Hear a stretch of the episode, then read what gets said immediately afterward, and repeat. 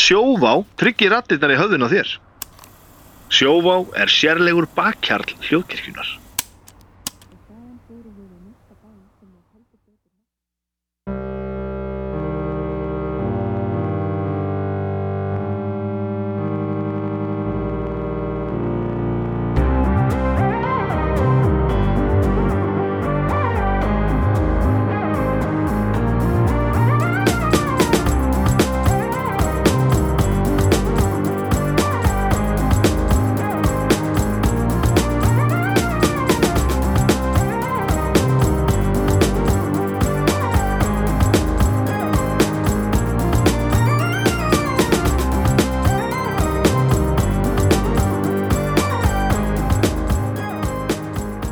Komið sæl og getur hlustundur og eru velkomin í drauga fortíðar. Hér talar Flósi Þorgesson og Baldur Ratnarsson er hér Jú, sem endran nær til aðstóðar á takkonum. Já, já, takka kall Baldur er nýkominn, hann er hérna, ég var að, ætla að reyna að semja eitthvað svona Bon Jovi-legt lag um Baldur sem var eitthvað svona, hann er, ha, já, sko, það myndi vera eitthvað svona eins og rútan er þinn togari, malbyggið er þitt haf, þú veiðir áhorfindur í þitt net, eitthvað svona. Já, Því að þetta hljómar ég sé svo mik mikinn sko samhljóm með að því að þú ert nú nýkomin uh, úr skálmaldartúr þar sem Jú, þið jú. voru í fyrsta skipti sko uh, höfuðlínu hljómsveit Já, ég, já, Hvað sem já, það já, heitir. þetta er nefnilega- Aðal- þetta- þetta er nefnilega- gæjan. þetta er línubátur sem við erum á Já. sko Uh, Fó- flaggskip sem sagt á ykkar túr sko Við vorum sem sagt uh, svona, já, þetta var okkar túr uh, já, Þetta er fyrst skitt sem við förum og erum svona aðalnúmerið einir og stundir já, Gekk mjög vel, ógeðslega gaman. fyrsta skipti í hvað 14 ára sögu hljómsveit Já, um- við höfum gert þetta einu sinni með öðru bandi en þetta er bara, það tekur tíma að- að að byggja undir þannig að fólk vilji koma að sjá mann og einhver stóri til raskati, sko. Minnst þetta vera svona samhljómur sko þeir eru þarna í rútunni alltaf sofandi ofan í Já, já. hverjum öðrum og það eru sum eru kannski ekki jættulegur og það eru að fara í bað og Nei, það er táfíla og, já, og svona allt í skrúinu, sko. og, Eins og bara oft. brandararnir verða súrari og súrari Alveg all, já, já, og, og þetta, og, á, og þetta ný er höfn allstæðar, vaktavinna, þetta er voða tógaralegt þetta er svolítið tóðarlegt, sko. Þetta er Þetta er vissulega svo aðeins svona, já, þetta er, þetta er, eh, en þetta er náttúrulega að mörguleiti auðvöldari vinna. já, já, þangat, eða, þú veist, þetta er auðvöldra að vinna megnið af sólarhringnum svo kemur ansi harkalegt vinnutörn já uh, sem er líka ógeðslega skemmtilegu ástæðan fyrir að maður gerir þetta kannski ekki velta ég miklum peningum en það er meira svona í Já, al- gleðibankan já, já, gle- við erum að við erum, hann er að springa að já, gleyma ég geti trúið því þetta var ógeðslega gaman og vel þannig að lukkað hugsa um að starta og- já, og bara, þetta er líka bara þegar maður kemst að því hvað gefur lífum hans gildið, þú veist Já, Og- og... Gísli Sigmundsson vinnum minn sem er að að stendur nú fyrir tónlistarháttið á næsta árið sem heitir Sátan, sá, já, þungarossháttið, hann bjó lengi í Svíþjóð og hann þekkir rosalega marga í þessum bransa sem bara halda tónleika og, og spilara og svona, hann sagði að langflestir af þessum þungarokkurum til dæmis í Svíþjóð, það eru með eitthvað aukadjóp sko, Eh. já, já, já. sem þið geta yfir svona fa- farið úr og í, eða ekki Já, ég meina, þetta er ég, ég er í svo mikilli toppstöð Já, að geta stokkja á milli þess að spila músíkina mína í útlöndum og hér heima og að búa til hlaðvörf með þér og öðrum vinnum mínum. Þetta Já. grínast. nei, þetta er for, þetta er ekki forréttindi eðlilegt, Ég sko. segi það sama bara Þetta er ekki eðlilega Forréttindi. skemmtilegt, sko. Já, Um, þið eru allir vinnandi menn náttúrulega já. Já, Jón og kallar Jón þetta er þarna vinnu, í ég er Nexus alltaf að- Já, kallar þetta Sjá- vinnu, ég sitt hérna bara að hlusta á sagfræðing, segja sögur. Já Já, kannski hinn eru svona daldið Já. En já, En það er svolítið þeir síðan, einu sem er eitthvað í músík eru þráin og hérna sko sem muni vinnu sem er tengd mú- tónlist það eru þráin og Gunnar eða ekki? e, jú, sem, e, já, og svo náttúrulega bara alls konar hliðaverkefni og eitthvað. Já, já, En jú, Jú, það er auðvitað svona, er þetta að vinna en svona já, það er svona, jú, þeir, þeir eru svona- aðal vinna Já, Já, algjörlega. En það er Jón svolítið sér um- síðan, Jón sér um nördana í Nexus já, hann er, hann er í bóka- bókadeildinni, Eh, Björn, nei, Björgvin er hann að mála já, eða, hann er að mála á- fyrir norðan já, á fullu, og Snæbjörn er í auglýsingunum jú, jú, hann er í bransanum, Já, er ég að glemma einhverjum nei, er þetta ekki, er þetta drifið? þegar hann var að kenna músík og, og Gunnar er alltaf kórstjórn og svona já, neyri listaskóla já, uh, og já, þá sé ég gítakennari þannig að Já. þetta er ég, það er allir helviti sáttir í sínu líka, hann það er er búin mikilvægt að vera með útvarstætti líka eða ekki, um, Jú. um gítarspil Já. ég er ekki búin að hlusta á einn einasta sem er eiginlega skammalegt já, þetta er þrábi er, hann er notalegasti sveitamaður sem ég hef kynst Já, já, sérst, já, ekki, ég ekki, tek undir það. þetta ljómaði undarlega hann, sérst, þetta átt að vera aðskilið hann er Já, einn ég veit notalegasti hvað þú- maður sem ég hef kynst og hann er mjög mikill sveitamaður hann er það, það hann er sveitasterkur já, uh, og uh, og með sveitaromantíkina það er- það er mikil sveit í þrása mikil sveit og svo ekki náttúrulega bara ljónsveit og svo náttúrulega hæf, wow, og svo hæfileikar á, Já, á hausmæli já, já. sem að það er ótrúlegt að, að vera í hljómsveit og ég held að það er tvisasunum ég held að við gerst jú, tvis, einu sinni eða tvisasunum að það er einhver með okkur á túr sem er nálætt að vera jafn góður og hann já, akkurat hann er svo fucking góður Já, hann er náttúrulega sérhæft sér svo mikið í þessu hann er sérstakka náttúrulega spili sko. bara- já, já, hann bara sko. er sóla náttúrulega bara- hann er sredder bara ekki eðlilegur Já, já. hann er, maður fattar ekki fyrir maður er búin að gera þetta svo, með svona mörgum einhvern veginn út um allt hvað hann er yfir þyrmandi góður Já, hann er rosalega góður alveg um, um, og, og einmitt sveitamaðurinn í honum uh, hann, hann er svo hvetjandi á að, að, að ég held ég þekki engan sem er með ja, litla svona stæla yfir í hvað hann er góður já, að því hann, eina sem ég fæði frá honum alltaf hann er alltaf, jú, hann segir mér alltaf eitthvað fyrir hverju blötu sem ég get ekki spilað svo ég þurfi að æfa mig og svo bara alltaf svona kvetjandi, svona, já, hún er, hún er að bara æfa þig eitthvað, en ekki já, já, aldrei eitthvað dissa því að ég er náttúrulega miklu lilir en hann, sko en hann er alltaf að hvet- hvetjandi, en ekki hitt, sko já, það er topp það er topp. Ah, þetta, er, þetta er fallegur hópur sem við erum með þarna uh, uh, það er sem sagt ansi langt síðan við tókum upp síðast Já, Eh, sem uh, orsakar líka hann alltaf, við hefum ekki minnst orðið í síðustu þáttum á uh, þær hörmungar sem er að gerast í heiminum við verð, ég bara verð hvernig má það vera að við höfum setið hjá í þessari djöfulskostningu Mi- já og- þú meinar Ísrael Já, Bal- já, og gasasæði er, erum við Já, djöfull, erum við miklir fokking aumingjar já Djöfull er þetta- djöfull- Nú, þetta- já, Þú djöfullsins- ert svona, þú djöfullsins ert með rolur. alveg harðar skoðanir á Nei, þessu. djöfulsins fokking aumingjaskapur að ég, ég, ver, ég er alveg Já, já, gjössanlega fokking brálaður Já, við höfum alltaf verið Ísraels megin yfirleitt, sko Já, en mér er anskot þann sama Já, Það er hengjaði eitthvað helvitis o- orðavalum að, þú veist, það er enginn að segja Hamas hafi verið að gera ekki hörmungar en þegar við erum með þetta hérna fyrir framangur sem er að gerast núna hvernig í anskotanum getur ekki látið það vera nóg til þess að taka rétta fokking ákvörðun já, Þetta er fokking galið, þetta eru, þetta eru aumingjar og rólur sem standa fyrir þessu. það er gaman að þú er komin á þetta, við vorum aðeins að tala um þetta fyrir þáttur endar, um Ísrael-Palestín og Baldur hefur sterkar skoðanir á þessu uh, ég er búin að vera rosalega mikið að að, að kynna mér þessa sögu, sko, hlusta á podcast og hérna og reyna að nálgast þetta frá báðum hliðum, sko Mm. Ísrael og Palestínu og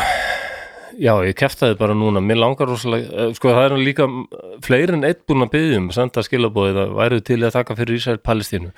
ég skil hvorki uppni niður í þessu, segir fólk yfirleitt Já, ég, og sko, þetta verið svo flókið að því það verið ég, svo gömul saga já, ég, ég væri ógeðslega til ég að því ég þarf að vita meir um þetta. mm. Eh, það- sérst, mér finnst ég ekki þurfa að vita þetta allt saman til þess að geta tekið afstöðu gagvart því sem er að gerast núna. Af Nei. því að viðbjónin er svo yfir já, já, þyrmandi fokking, þetta er svo ógeðslega fokking ógeðslegt já, já að mér er alveg sama hvernig þetta byrjaði.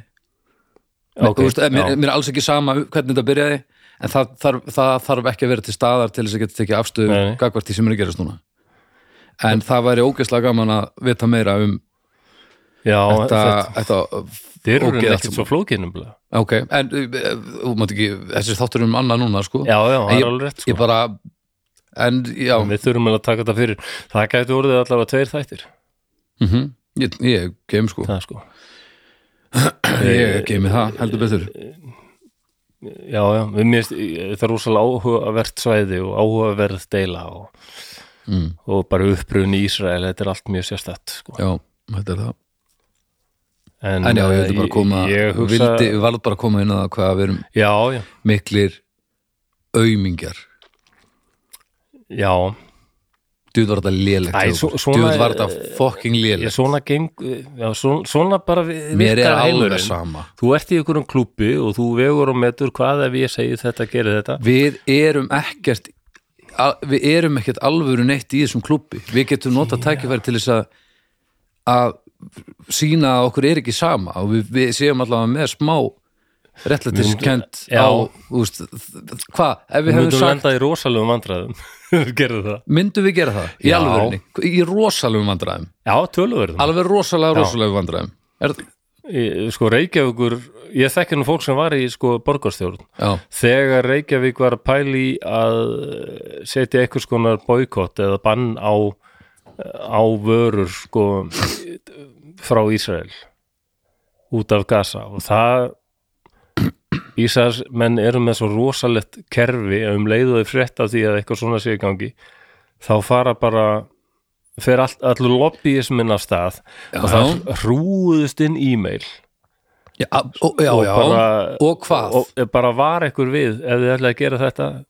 það er sko Ísraelar framleiða svo ótrúlega mikið dót framleiða sko luti í farsíma Hva- spjaltölfur og já, ó, dót og, ok, en hva, hva,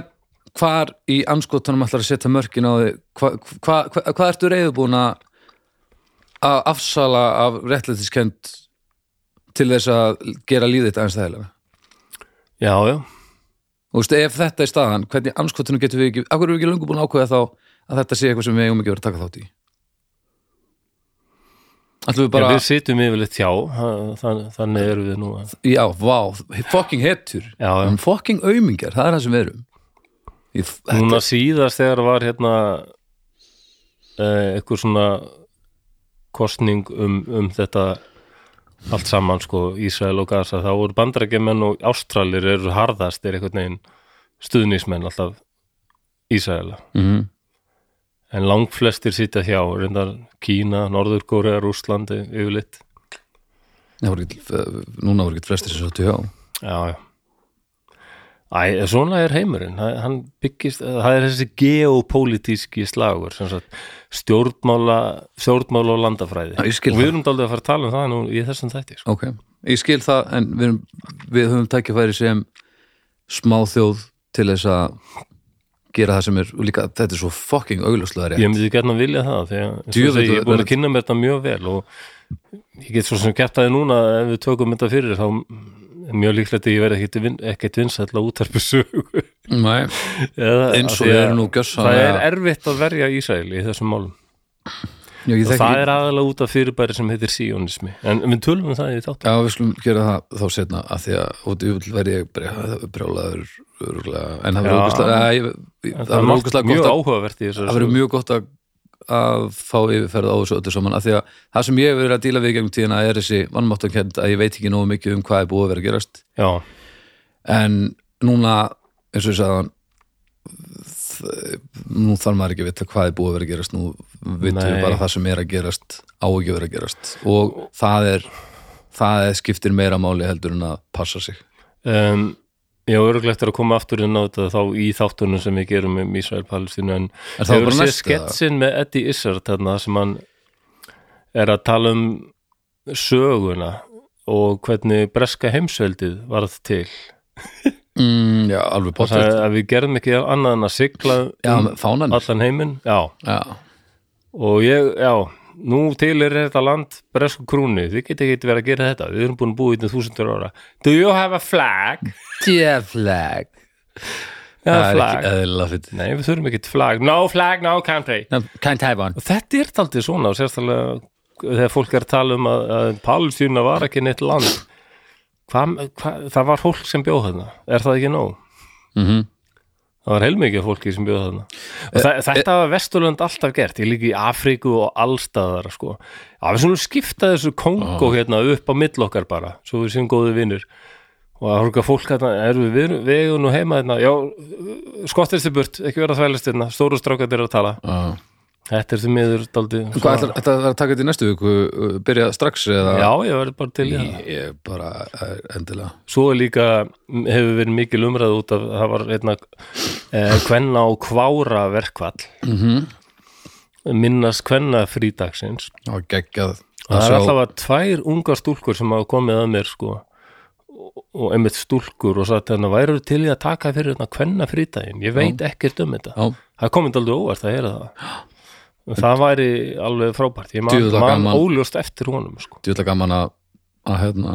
að vera úti á túr og sjá þessar myndir bara shit, já, þetta, var alveg, þetta, var frábært sko. geggjað alveg frábært Já, Ég hérna, ég var daldi já, daldi skammaður af nokkurum vinkunum mínu sko, af því að ég, mér er endar illa við orðið feðraveldi en það er einhvern veginn svona verkalýðs sósælistinn í mér sem, sem að ég menna ég á afa og pappa sem, sem sko gá, sem vinnan tók lífið þeirra sko, þeir Mhm. dói í vinnunni bóstaflega já, já. og þetta voru menn sem aldrei eignuðust neitt og áttu aldrei neitt veldi en það minnst þetta flóknar en svo Já, og getur en- sett alla feður undir einn hatt Þarna sko. ertu samt bara pínu að- að hengja því já, já. orðaval. En ég veit að- alveg hvað þetta þýðir sko, Já, ég- og á ég hverju veit- þetta er ég veit það. þýðing en, en ég held að fólk muni aldrei samþykja almennlega þetta orð og þetta, mér finnst þetta að rekast aldrei á við uh, aðra baróttu sem mér finnst bara svo mikilvæg sem er Já. stjættabaróttan sko. Mér finnst þetta bara svo berjast gett stjættaskiptingu af því að það er svo mikið að fólki hefur komin og þessum þætti líka já, er en mér, alltaf mér finnst þessi að, litli minni hluti sem vill bara viðhalda mér finnst feðraveldi Já. pastl, alveg, mér finnst þetta svo passlega stuðandi orð það getur verið að það sé í hægt að líta báðar á áttir, þannig, sko, í já. báðar áttir af því að þetta, og þetta, þetta er einhvern veginn þannig að, að þetta vekur alltaf umræðu Já, það er, er alltaf begja megin jákvætt. sko Það er Og- alltaf jákvæmt. og já, ég, mér- mér finnst það nokkuð af því að, og þetta er mjög lýsandi fyrir það sem þetta á að standa fyrir Já, Svo bæði getur og. já, já, og, þú veist, ok Já, já. um, ég sé alltaf sko að það er hérna 1 eða 2% sem eiga 98% af landinu. Þannig var Ísland á tímafili. mm, Og í þessum 2% eru líka konur sko. mm, Og kona í þessum 2% er miklu rétt herri heldur en einhver karlmaður sem er alveg neðstu stegunum. Við sjáum það líka í þessum þætti hér. þetta, þessi þáttur, hann spannar ímislegt Já, við ætlum að fjöllum Tíbet. já, Tíbet sigraði Patreon. Texas naumlega í kostningu um uh, lönd sem einu sinni voru eh, sjálfstæði eða eigið ríki já, ok, en, en kom aðeins inn á spurninguna ég var að viðkenna að ég ætla nú að gera eitthvað svona lestur já, en hann, ég bara virðist að hafa glemt honum þannig að ég var að byrða fólk að fyrirgefa mér ef við sleppum honum núna mhm ok en þú ert nú nýkomin af vegaríkinu og er það svona ekki verið að skella svo mig Jó, En- ég, það er þí- það er þín þetta Ég get alveg sagt þér að ég, ég er ekkert meður mín Ég það þarf ekki ákvað að búið til hlýða. hljóðmynd akkurat núna en, en, en þú mátt ekki skella skuldir á mig En ég bið- ef, ef þið saknið þess að byrði afsökunar og eh, ágætu indislegu hlustundur og það verður ykkur djúsi lestrar Eh, sérstaklega, já, ef Ísrael Palestína þá verður það sprengjubrot og skelving og Ah. oh. kvæðið eftir hann er það Tómas Guðmundsson eða eitthvað þarna þarna slísaskot, það er rosalegt kvæðið maður, ljóð Já, við, við ég ætlaði að skjóta hann pappa þinn Já, þess að einhvern mann sem hefur skotið litla stúlku held ég mm, já, og hann er alveg fullur sorgar og endar á því að segja ég ætla að skjóta hann pappa þinn já, þetta er, dál- það er kraftmikið já. en það er uh, magnað hvað Ísra- Ísrael-Palestína sko, þetta vekur upp svo mikla tilfinningar og því það eru alveg s- a- það eru átök annar staðar sko, já, já ég sem veit, kom ég aftur veit. í fréttinnar sko. Það er aðalega bara Vestur Sahara til dæmis um, já, Jemen til Já, dæmis. já Þú veist, þetta er, Sátti-Araba er búin að sprengja Jemen alveg bara í tætlur þetta er það er áhugavert hvernig uh, ákveðin átök fanga já, ákveðna þjóðir frekar um, það en, en þú veist hv- og hvenar, en hvenar á maður að láta það stjórna því hvort maður eins og þetta sem er í gangi núna í Palestínu, hvernig, hvað af hverju getum við ekki bara við erum sammála um það að þetta sé algjör fokkum, fokkin hörmung sem Já, verður að maður- stöðva sko. Já, maður hefði alveg viljað sjá Ísland sko, sko, sína allavega sko, lýsa yfir miklum á, á já, Ísland gerir það nú Við og hefðum- lýsum yfir áhugjum af við þessu hefðum sem, ekki sem náttúrulega er ekki neitt þetta, þetta, er, þetta er bara umingja þetta er ekkert annað þetta er bara, Já, það getur vel verið að, að almenn sálitið snúist meira á sveið með palestínu aðrupum sko. ég ætla allavega Já, aldrei. rétt að vona að fólk hann úti sem að hefur verið á svipum stað og ég ekki um tíðina sem er vannmáttar tilfinning eh, af því að maður veit ekki nógu mikið um orsök og það allt saman að Nei. það er í lægi núna að leggja það til liðar af því að það liggur fyrir þú veist það getur enginn sagt að hann hafi ekki átt að segja á því hvað var í gangi núna Þannig að Behind the Bastards er búin að podcastið, þau eru búin að taka fyrir hérna, Benjamin Netanyahu já, það er mjög áhugavert að hlusta á það uh Já, hann er eiginlega alveg já, það er sjaldan verið jætt mikill voðalegur harlínu maður hérna, sko. já herru, við og, og það er margir ísælar sem eru mjög uh, á móti honum að því að hann sko er alltaf að færa Ísæl svo langt til hægri og, og gera þetta meiri svona minka í raun sko hérna, eh, gera völd sín meiri sko já færa þetta í meira svona allræðis átt einhvern veginn Mm. minnst að frægur sakfræðingur eitt vinsælsti sakfræðingur veraldar, Júval Harari sem hérna hann er, er sko var að tala á fjöldafundi sko og var bara að segja að Benjamin Netanyahu er sko að breyta því Ísrael sem ég ólst upp í bara í eitthvað svona allræðisríki bara en svo fyrirmynd hans er Rússland Pútins sko. Já, já, já. En já, svona allavega fyrir, já já, ég, ég brást með þessum lestri það, ég, það, hvað hef ég gert já, þú veist, en þú- við, við getum alveg tekið stuttan pásu, þú byrjir til stuttan lestur og, Æ, nei, ef ekki bara þetta, Nei, ekki ég, ég verður held ég annars líka þokkalega langt sko. já, ok, okay. Held Þú, þú stjórnar fyrr þú en ágætur hlustundur, setið ykkur nú samt í stellingar mm -hmm. því nú er komið að því að særa fram drauga fortíðar drauga fortíðar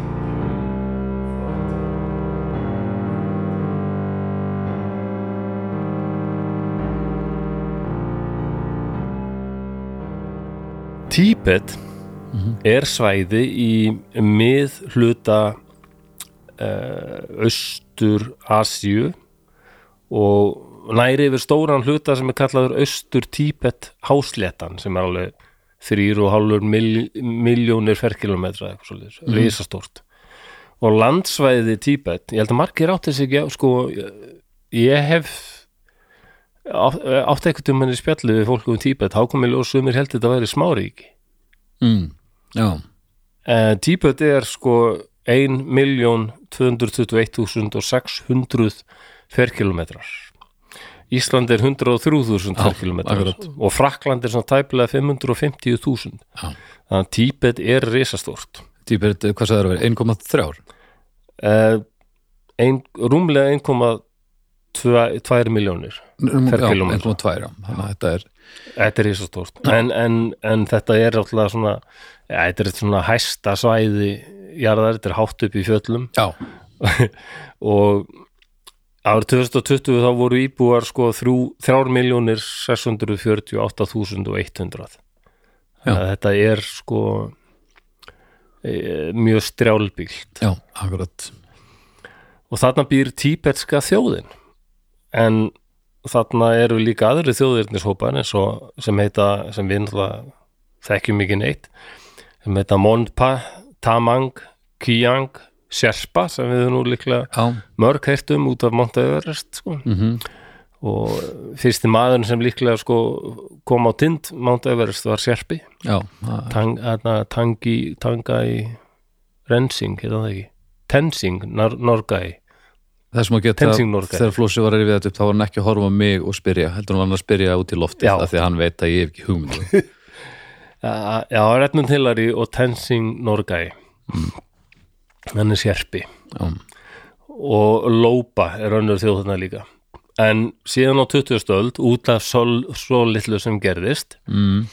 um, þar sem Kína spila stóra rullum þá hefur töluverðu fjöldi landnema komið frá Kína til, sem til er til dæmis Han þjóðinni og Hui þjóðinni sem eru uh, þetta er svona, já uh, nokkuð, kínverjar er alltaf alls konar þjóðir sko. Já, og Hui eru mikið til sko múslimar ok uh, Tíbet á landamæri að Kína Myanmar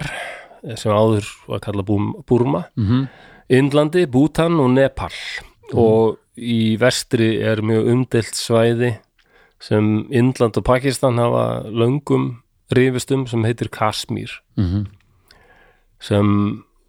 fólk eru örgulega kannski líka tónlistarfólk ætti að þekka út af eitt besta lag Led Zeppelin heit- heitir einmitt Kasmír Já Le- Já, best, eitt Eh, já. besta lag Led Zeppelin Já, Já, nú Mér finnst þetta bara, ef ekki bara besta lagið No Quarters eða Kasmir þetta er svona besta lögum fyrst mér Ok Mér finnst Zeppelin alltaf bestir þegar þeir voru aldrei svona lágstemdir svona, Já, mér finnst rockið er ekkit sérstætt yfir þetta nei Ná, Já, ég hef aldrei náðu hvað ekki almennilega á Zeppelin sko. og önnur hliðin á Led Zeppelin 3 er voðalega mikið svona akustísk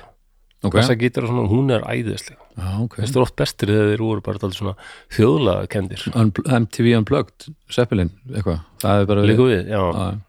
Höfuborgin heitir Lhasa Lasa, og nafni Tíbet það veit ég lengi hvað það þýðir lengur það er Ok. mjög gamalt sko uh, Mongólar kalluðu þetta Tubet kínverjar oft Tufan um, en Tíbetar sjálfur kalla sig yfirleitt ekki Tíbet eða þeir hafa nú notað meira en alveg eins og ég menna Albanía heitir Skiptar ef ég mann rétt á albönsku Mm. og Ungverland heitir Magyarorczak já, þannig að já, já Eh, sjálfur hafa tíbetar eiginlega tekið sko gælu heiti yfir íslenskan tónlistarmann sem er eiginlega það sem þeir kalla sig það er bó, já Já, bó eða bót eða bot já, Já, eftir dat, Ég- datbot já, það Ekki. hefur þú annars ekki séð dasbót Eh, sem ég minni að þú hefur sagt það einhvern tímann, Datbot, jú, jú, ég sé það þú séð það, já, það hluti að vera það var eitthvað sem sagði mér alltaf, já, ég hef aldrei séð þessa mynd og ég bara fekk sjokk sko. Já, já, já, eðlilega já, Það hef ekki séð hérna ég hafði mynd sem ég horf á reglu kjarnorsku sko, uh, kafbóta uh, nei, kafbóta frá hvað 81, já, náttúrulega bara fáránlegt að vera ekki búin að sjá þessa bara kafbóta myndin sko já, hún er geggjur sko En sko fyrir 1950 þá var Tíbet mjög einangrað frá umheiminum og það var hérna mjög, og er ennþá, mjög einstætt svona menningar og trúar samfélag. Mhm. Og það sem einkennir hann er alltaf tíberska tungan, þeir eru með sína eigin tungu mm og eigið ritmál -hmm. og svo tíberski bútismin já, spilar mjög stóra röllu í að gera Tíbet að því sem það er í dag. já, ok og en þetta var mjög einangrað ríki og lítið lagt upp úr því að auðvelda samskipti við utan að komandi aðeila og var lítil aðtönu uppbyggingarna og þetta var mjög já, svona aftur á afturhaldskent og, og langt á eftir þetta var sko, já, svona frekar veit ég hvort það sé að fátaklegt en svona einfalt svona landbúnaðarkerfi og hafði verið eins í hundruður ára ok, og en rústir sem finna, hafa fundist í austur hluta Tíbet benda til þess að menn hafi búið á sæðinu fyrir 4-5 þúsund árum síðan ok allstaðar ke kom- kemur maðurinn sér fyrir já, þetta er helviti það var Já. náttúrulega það var svo lítið laust á markanum á þessum tíma já, maður varð einhvern veginn bara að bjarga sér já, einna, það, það er svo margt sem er einna, talið að einhver hafi sagt og eitthvað hafi gerst sem er ekki alveg rétt eins og að Isaac Newton hafi fengið epli í hausinn og, og Mm. þá var hann hugsað, hei, hvað var þetta? já, Nei, Eh, hann sá epli detta og renna niður hæð og þá fór hann að pæla meira í þessu afli, þessu þingdaraflinu. ég, já, mér finnst það er skemmtilega en hann fengið hausinn, Já, það er skemmtilega. það er meira svona búp, Já, já. hei Hey, það var þetta. En um, Þetta er kannski bara að breyta þessum lengra í þáttina Vinur Já. hans let melónu detta ofan á húsi á hausinu á hann og þá fatta hann býttu nú við það var Jú. svo vinnustagurinn Eh, Það er aldrei gaman að því hérna, hvernig hérna, góðsögn típa þetta sjálfra um hvernig típeska þjóðin var til að ég held að Íslendingar myndi nú seint sætta sig við svona þjóðsögur nú, en það varð út af samræð þetta er svo út skoðum það það varð út af því að það voru tvær verur sem eru ástfangnar og, og höfðu eitthvað skona samræði það var ok, api og kvendjöfull hæ já Uh, sko, ok, við mynd- myndum ekki kannski ekkert, úst, þetta hvernig mjög myndum við ekki einkennilegt? hvernig myndum við ekki gangast við þessu Loki, Nei, ef við reyndar- jú. Loki reið öllum Já, já, það er alveg rétt hann bara hendi sér í e, já, nú Já, er ég já. herstur af því að, og, Hann er pappi einhvers og svo mamma annars og það er alveg rétt Það segir nokkuð herðu, hann gríð, talandi um það, Sleipnir gríðalega umræða innan skalmáðurhópsins á síðasta túr, Já, nú er Sleipnir með, með áttalappir, já en hvað er hann þá með mörgur asköld? Æ, Hmm. Nú, nú, þetta er nefnilega Er- anatómía sleipnis er- er gríðalega, það er þetta hella sér gríðalega langt í og svörin voru allt frá einu og upp í sex hvað séu? svörin, sem sagt, það voru mi- mjög mismunandi skoðanir Já, á þessu og já, já, einmitt, svona eitt þetta- raskat upp í sex raskat sem var svona yfirleitt Þetta er það sem ég verið í að þarna þegar talum að samræður og Þetta er húmor vissulega, já. verðir súr þegar líður á túrin aðeins liðið á, Já, á vertíðana en en einhvers ég vegar hef aldrei valið, séð beint valið spurning samingi á sko. milli enda þarms ops og fjölda eh, fótna en eh, þetta er, þetta er það sem mörgur sögðu sko, en, en, en það fer líka eftir í hvað, hversu margir la- fætur af þessum átta eru aftur fætur sko Já, ok um, og hvort það sé úst, já, þetta er, sumir vilja meina að þetta sé alveg óskilt löpunum uh, hvernig Já. þú losar þið úrgang um, en það voru aðra skoðanir uppi líka, Það hefði verið mikið vesinn að þrýfa hérna í áskarði maður ef, ef, ég veit það og, hva, og, og, og hvað er mörg tögl það er, annað Já, líka. það er líka já, það segir er, nokkuð. nefnilega- það er mörg hotna líta sko. ha, Já, já, þú segir nokkuð já, þetta er erfitt En uh, ég man ekki hvort að Loki er pappi eða mamma Sleipnis Eh, ég held að hann munið það ekki einu sinni Nei, örgleiki En ef áttu verið sem þetta sko Nú er ég mikill skærim aðdándi og þar eru fyrirbæri sem heita Deidra sem er eiginlega svona hálgjöru djöflar en samt ekki beint en svona nokkuð svona guðir eða djöflar og Ok. og þeir eða þau byrtast uh, annarkvort í kvenn eða karl formi þótt að yfirleitt velji viðkomandi svona frekar hitt formið já, en hérna já þetta er bara var og það skapast ekkert um að numraða skæri punktum á Facebook hvort að þetta væri ekki þetta nálgast þau bara eins og eða transfólk sem kýs að nota sko fornöfnin þau, þeir já, og það jú, var uh, fólk sem var að tala um bara við ættum bara að tala um já þessa djöfla, þessa guði sem þeir sko, en ekki hún En og er hans þessi, er þessi djöflar þá ekki með uh, þú veist, þeim líður ekki eins og þau séu annað kynið heldur Nei, þau byrtast bara þannig sko en Já. hún er þetta guðir og sannsagt uh, já, og kyn skiptaði ekki engum máli sko Ná, Já, ég, ég, ég, nú er ég að viðurkenna, ég veit ekki hvernig Guður Nei. vilja láta ávarpa sér sko en það endaði náttúrulega ykkur allsherri rildi um, um Ah. fornöfn og endaði á því mótir uh, stjórnendur bara lokuð áttarspjall Já, að því miður af því það er- sko. að vanhæfni fólks á in- internetinu Já, Já, já, við erum ekki bara góðið einhverju öðru en internetinu en já uh, hvert var ég, já sko á sjöundu til níundu öld það er langt síðan mm -hmm. þannig að þegar forfiður okkar voru að Býtu, er, er, siglum allt og, og ræna fólki og var hann að djöfullin og appinu, var það bara búið? já, og þá bara var til Þá eru var til ykkur krakkar, svona apadjöfla krakkar, appadjöflar Ok, e, já djöflapar ég, ve- ég veit ekki meir um þess að sögur Já, sko, já, já, af- af hverju, já, já, en, en já, ok. þetta er eitthvað þjóðsa Ok, já, ég, ég er game sko en þetta var, þá var sko tíbet konungsríki og var mikið stórveldi þarna en svo eins og ríki vilja gera þá liðast það í sundur Mhm. og og svona í frá 10. til 13. öld þá poppa tíbetar af og til upp í einhverjum skrifum en eru þá yfirleitt kaupmenn eða einhver svona ræninguhópar hmm. Uh, eitthvað hættulegt að ferðast um þetta svæði af því að tíbetar gáttu verið á sveimi Já, ok þetta er, þetta er alveg daldið mikið svona, þetta er töff lið mm. típu þetta já, að búa þarna í þ- mörg þúsund metra hæð og já þetta er þetta þetta er, eru þetta er ekkert rauðvöld sko. Æ, þetta eru, þetta er töff fólk, þetta er flott fólk líka þetta er svona þetta, þetta eru náttúrulega þetta er mjög aðstæður fallegt fólk eða, mér, mér, mér finnst þetta f- það er eitthvað í típu þetta, mér finnst þetta flottir já, það er sko eða þau er flott sko að, að fæðast í þessari hæð þú veist, er, er all landið sem sagt í ákveðinu hæð meira og minna sko, mjög Já. hátt af því að náttúrulega ef þú fæðist inn í þetta þá verður þetta auðveldara þú, já, það það er auðveld að líta út fyrir að vera ofur manneski þegar þú ert að fá gesti fa- frá sem búa við sjóin þú veist, starfslaust en, Já, það, já. er- en það er ekki bara það skilur heldur Nei, er nei. þetta líka bara aðstæður og, og harkalegt umhverfi og,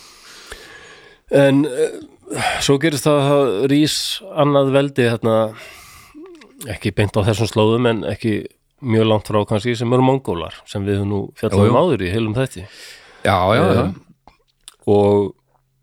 og, og mongólar sko já leggja undir sig heldur mikið til- völlur á þeim Já, völlur á þeim já, Þeir leggja undir sig hérna Kína og það verður til hérna eh, Yuan keisaradæmið í Kína já, sem er eiginlega sko mongólar já, og, og þeir verða mjög hrypnir af þessum típeska búddisma það er e- eða eitthvað, sko, búddismi hendar daldið svona stríðsmannarsvæmfélum það er eitthvað svona, svona, svona stóisismi og taka dauðanum sem sjálfsögum hlut og, Já. og bara lifa, lifa samt í sátt og, og byrjast ekki mikið á og það er alls ekki að þetta, þetta hendar ágætlega já, svo Japanir verður mjög hrypnir á sen búddisma já. það hendaði samúræðinu og alveg vel einhvern veginn. Japanski búddism- búddismin já, eins og ég hef sett þetta einhvern tímann áður ha- hann er, mér finnst hann áhugaverður svona þegar ég var að núti, þetta var einhvern veginn allt miklu e, hvað að segja, jarðtengdara heldur en heldur en uh, trúabröð almennt Já, vinnum minn sem bjóði í Tælandi hann, hann sagði, sko, búddismin gegn, gegn sýrir alltaf og hefur einhvern veginn þau áhrif að það er allir, vilja allir verið í einhver svona jatvægi, já, að meira svona slagi Já, alveg algjörlega hann var vannur frá Vesturlöndum já, hann er ekki alltaf, ekki alltaf slæki yfir Nei, þessum nei. efnum við erum fætt í sind og já, Jómas já, Gamlastokkur. já, já, munudegi sind og eitthvað, brennaðilu og allt að vers þannig að fyrir uh, marga ættbálka mongolíu verður típet nokkurs konar svona daldi heilagur staður svona miðstöð búddismans mhm og þetta hefur eiginlega haldist fram á daginn í dag sko ok, um, á átjánduöld þá var sko fyrirbæri sem heit Oirat sem aðhildist þennan típerska búddisma sem ógnaði mjög yfirraðum Queen ættarinnar í Mongólíu og Kí í Kína Queen já, já og þessir Oirat þeir voru sko var hann Mercury uh, akkurat, þar Vá, þessi var hann ekki spes nei, ég náðu hann ekki alveg sko. Nei, við skulum bara Æ, Queen, en þú- Mercury þetta Oirat er sko Æ, ég sendir þetta það er, var bandalag sem kallaðist Dörben Oirat og því er bara fjóri bandamann okay. og það voru vestur-mongólar sem voru eiginlega óvinnir austur-mongóla í þessu heimsveldi Genghis Khan það voru alltaf innbyrðis átökana sko. Já, já, stundum voru bandamenn, stundum óvinnir en uh, Tíbet var hérna, já, það var svona heilaður staður í augum þeirra ok já, en svo kemur 19. öld 1800 og eitthvað mm -hmm. og þá eru nú komin ímis veldi og Tíbet verður sko vekur alveg áhuga ákveðina stórvelda ekki út af því að það sé allt fullt af gull og silfri heldur það er bara svona landfræðilegur stuðpúði á milli til dæmis sko rústneska heimsveldisins Já, sem var hugaði eins og veldi vel að gera hugaði útþenslu mm og svo Indlandi eða fyrst Bretlandi sko, sem, Já, já, já. Indverjar, sem brettar stjórnuðu sko. akkurat þannig að bæði rússar og brettar vildu getnast, eignast einhver ítök hann í Tíbet oh. Oh. Tíbet að fá ekki alveg að vera í friði sko. Búa, pældi að búa á stuðpúða milli Já. bretta og rússa einmitt, Það er einhvern veginn ekki nei allt í nú voru Tíbetar alltaf, alltaf voru komið einhver hvíti menn og segja, herru við viljum vera vinnir ykkar og hinnir hvítu kallarnir þetta með loðhúðunar þeir eru ekki góðir, þeir skulle ekki vera vinnir þeirra Nei. sem Tíbetar eru alltaf ringlaðir út af þessu Já, en sáu sér alveg hagið þessu samt sko mm. um, og og setna þegar indverjar verða sjálfstæði þá heldur þetta áfram sko, þeir vilja ha hafa ítök í Tíbet bara líst ekki alveg að það ef Tíbet verður bara rústnest Nei, svæði nei, en Tíbet var undir stjórn Dalai Lama sem er hérna svona trúalegu leiðtogi og er bara þegar Dalai Lama deyr þá er farið að stað og svo finna þeir eitthvað dreng Mm. og, og einhvern veginn komast þér á því að hérna er hann, við erum búin að finna hann næsti Dalai Lama, hann fæðist alltaf aftur já og hérna Pældi ég að þetta væri svona hérna Ef við værum bara á fymta Ólafur Ragnar Já, Já, þetta er daldið, þetta er daldið öðruvísi. já, Yfirleitt er þessi drengur Heru, sko, hérna er hann, Ólafur eiginlega alltaf kem, kemur þessi drengur úr hérna, röðum sko hins, hinna blá fátöku Ok, sem alveg skiptir máli vegna þess að það hefur alltaf verið ferleg stjættaskipting í Tíbet. já, Um, sko, margar aldir áður en hérna 14. Dalai Lama sem er ennþá á lífi og er Dalai Lama í dag mm heitir reyndar Tenzin Gyatso já er þetta, já, er þetta alveg lama starfseti? Já, það er raun starfsæði sko. Já Hann er Dalai Lama já, Hann heitir það ekki. Já, já, ok og hann fór í útleið árið 1959 og ég man alltaf þegar Robin Williams heitinn Já, eh, var í viðtali á David Letterman og var að segja frá því, heyrðu ég heiti Dalai Lama maður. og bætti svo við hann, hann er með Rolex úr komið þetta aldrei óvart mm, Já, það, mér, mér er þetta aldrei skemmtilegt já, því að það eru sumir gaggrinir alveg á já, komum betur en það það er mikil gaggrini og heitar skoðanir og umræður um þetta allt saman ok eh, og eðli lífs í Tíbet undir Dalai Lama var náttúrulega eðlilega mismunandi svona í gegnum árin og fór þáldi eftir sögulegu pólitísku samhengi mm en Tíbet hefur yfirleitt undir stjórn Dalai Lama eða bara alltaf verið theocracy sem hætti kannski þýða sem eitthvað svona guðveldi Guðveld já, þetta, trúin skiptir öllu máli sko. Dalai Lama er sko leiðtói en hann er líka andlugu leiðtói Já, hann er bara beintengingin við við æðra, sko, hann já, er heila já, maður, já, já, já, hann er æðsta valdið í típeska bútismannum, hann er bara bútis, pái bútismann sko. svo erum við að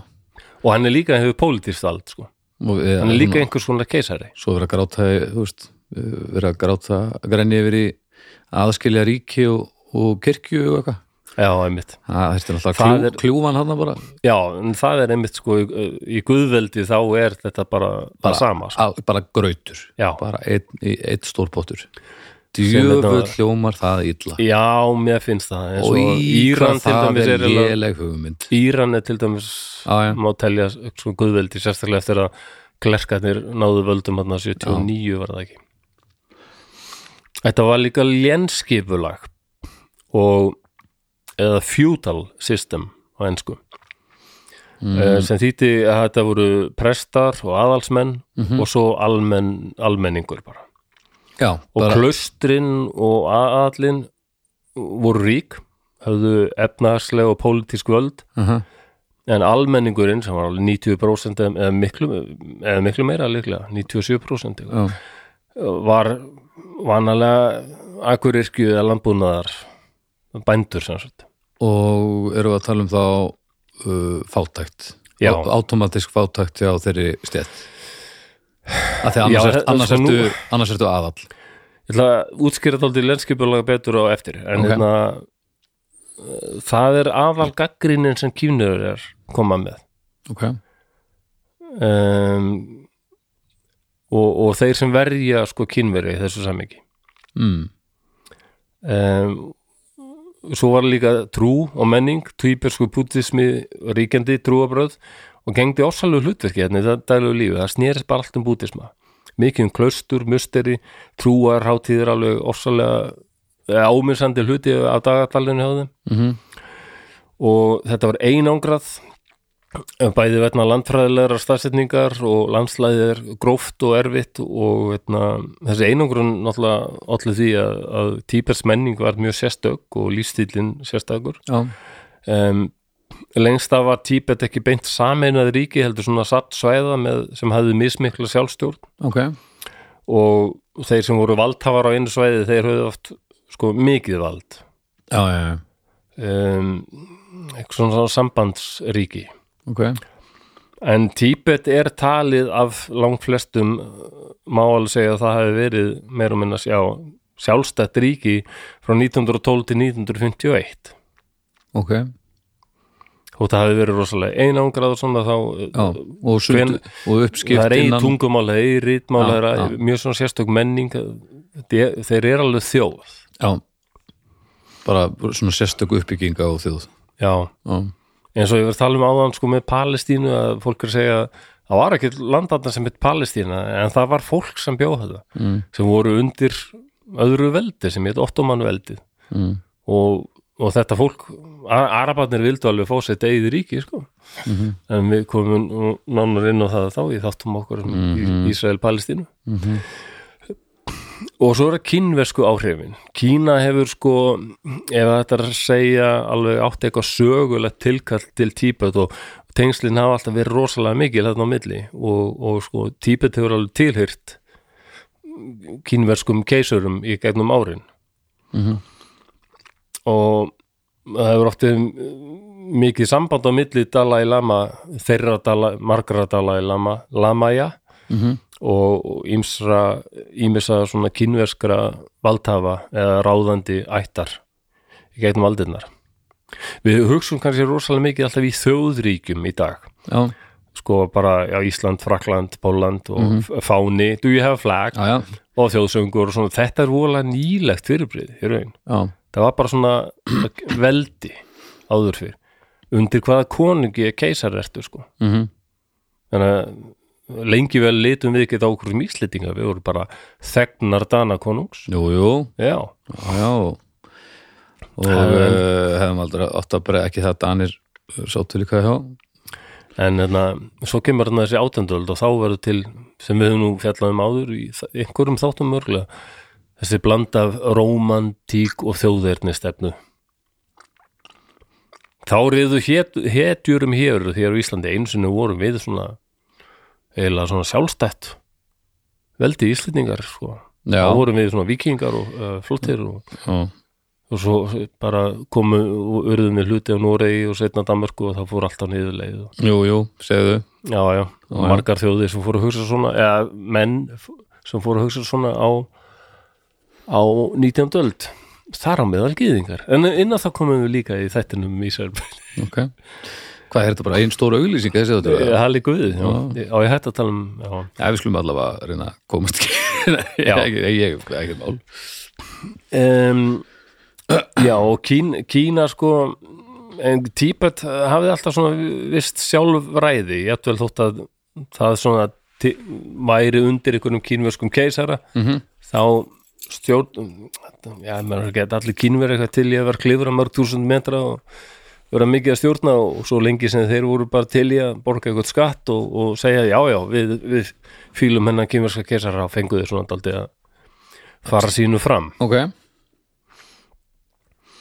um, og, og hagkerri Tíbet þetta var landbúnaður langflestir stunduðu búskap og búfjárækt en svo var uh, viðskiptaleið þarna sem heit silkivegurinn sem gengdi líka tölvölu hlutverki í hagkerfinu það var svona verslunar fólk sem átti leið þarna oft um sko. ok Silkivegurinn já og þarna, það er endar nánast efni í heil- heilan þátt sko mm. The Silk Road um, Já, Dalai Lama andlu leiðtói og Hann náttúrulega Hann var skömmu loks- síðar líka sem þau átt að segja á því að silki er ekki besta efnið í vegi já, þeir komist að því Já, Já, já, en já, það er kannski efnið hann að þátt það er efni hann þátt Já, já Já, Hvað- en hann var líka stjórnmáluleiðtói og, og ef það voru deilur og vesinn að hann var var hann oft dómari þar sko Ok, en það beintendur við alla, já, bara við æðri mátarvöld alveg bara hann er rosa, rosa tengdur heldur betur sko en uh, Tíbet átti samt í alls konar erfiðlegum, það voru áskoranir okay. það voru oft sko innrásir frá einhverjum nálægum svæðum og svo voru innri átök það eru margir ólíkir hópar þarna Já. og þeir voru ekki alltaf vinir eins og vill gerast þegar eru svona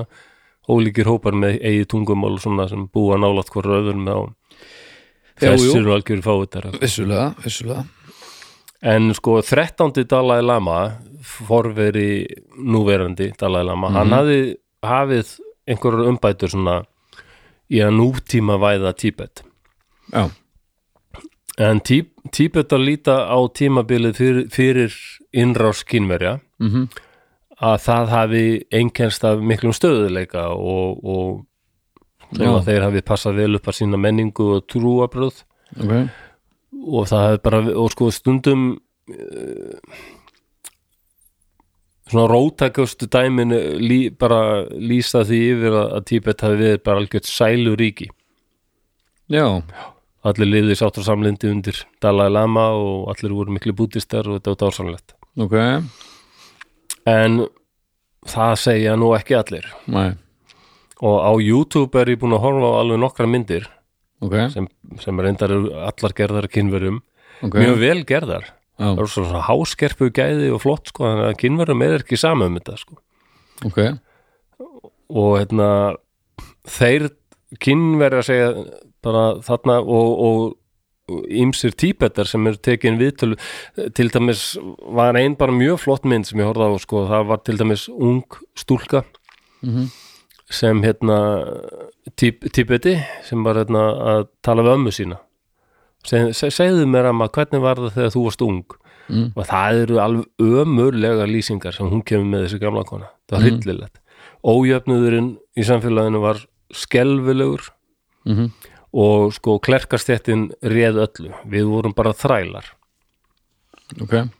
og hún lýsi eiginlega bara algjör svona miðalda lenskerfi Já. hvernig sko við, við tilheyrðum bara húsbóndanum og hann mátti bara já e, nánast selja okkur hingað og þangað sko mm. og við vorum ekki frjáls Nei, og, bara og, og þræ- náttúrulega þrælar. segir þetta fólk svo þegar kynverjar koma þá bara lagast allt og allt var já, já, já, já, frábært já, sko. þannig að þetta er mjög svona eh, miklu pólar í, í báðar áttir sko. já það væri gott að vera með einhverja svona miðju ég, ég persónulega held að það sé einhver sannleikur í báðum fullir Já, örgulega. Já, sjálfsögðu, ég meina, þetta var Að- ekki, þetta var ekki draumaríki. nei, en Og þetta var kynverjar örugglega- hafa ekki bara þetta er ekki bara Nei, nei. orðið algjörst sæluríki Nei, nei. undir kommunismannum og rauðu stjörnunni Nei. Eh, Nei, nei. En Tíbet hefur alveg verið á ratar erlendra ríkja í gennum tíðina af einsum ástæðum og, og dæmi, hann er búin að nefna nokkur dæmum erlend ríki sem að sínt Tíbet áhuga, það var kannski fyrst breska heimsöldið. Strax á 19. og snemm á 20. öld þá höfðu þeir áhyggjur af norður landamæra, landamærum Indlands Mm -hmm. sem var þá undir stjórnbreyta og þeir fara að senda daldið að leiðangrum til Tíbet sko og fyrst er, er þeim nú mætt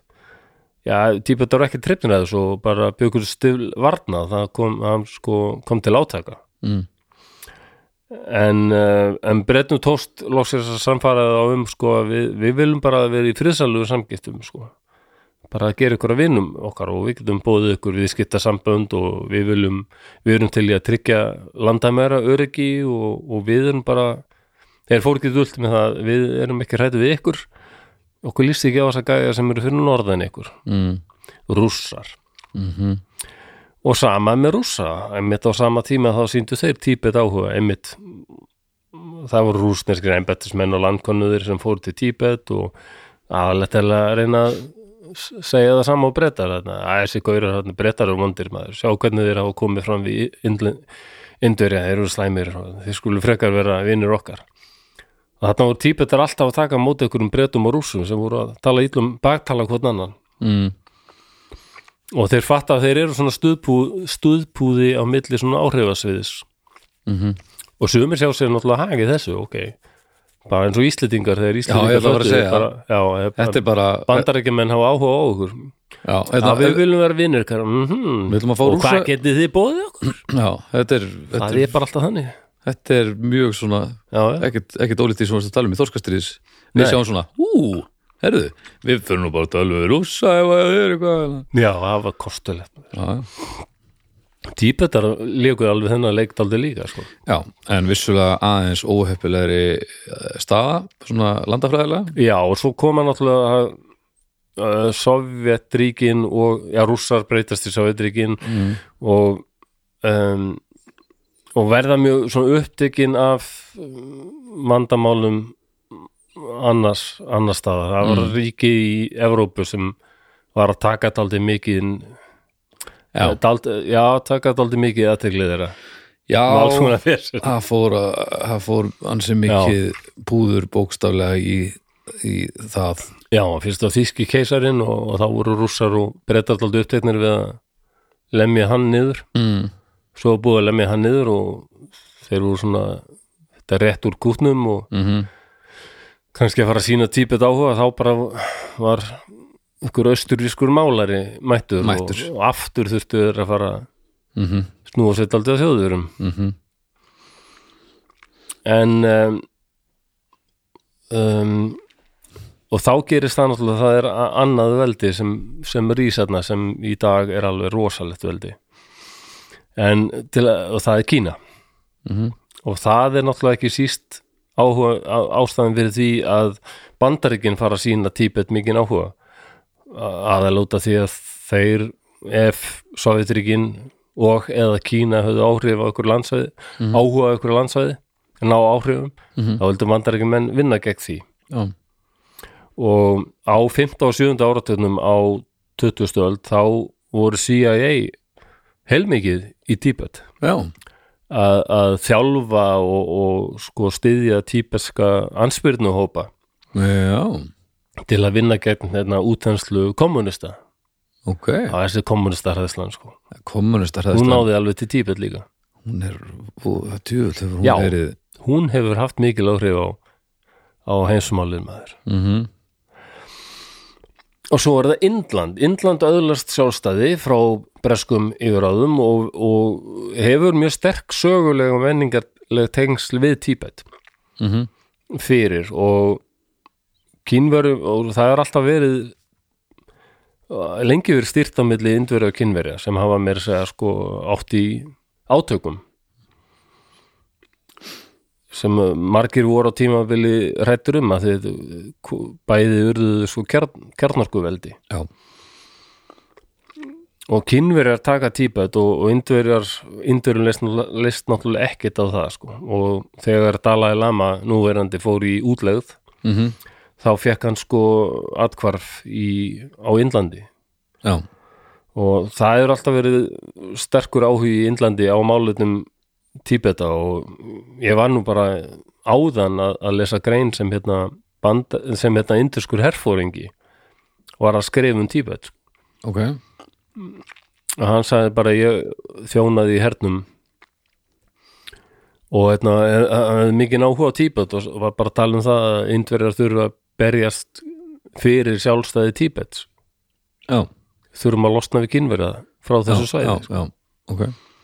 en svo eru önn, aðra þjóðir og, og ekki bara þjóðir heldur félagasamtök, alþjóðasamtök, hagsmunasamtök sem hafa sínt áhuga á Tíbet í gegnum ári en það er oft bundið mannréttinda barátu og bara áhugi á einstakri menningu og trú mm -hmm. eins og bandarski leikarinn Richard Gere til dæmis hefur verið mjög áberandi Já, hann er bútisti og þau taka hann nikotínpúða úr mér hérna stuðbúðan Já Hann hefur bara hann hefur hérna talað mikið fyrir Tíbet Þegar ég var í sjúkralega námi í Danmörku þá var kennarinn minn það að hann var gift úr tíbetskri konu og við spjöllum daldið um Tíbet og hann var ég var eitthvað að benda á það ég, maður hefði nú benda á það að tíb, sem kínverðar hafa sagt Mm. og hann, hann hann var greinlega mjög á bandi Tíbeta sko bara, Já, já. nei þeir eru búin að gera hræðilega hluti að það Já, já, já. og Það, já Þannig að landfræðileg þýðing Tíbet og þessi einstaka menning staðsetninga milli Indlands og Kína að valdi því að það mörgum aðlum hefur ekki verið sama mm -hmm. og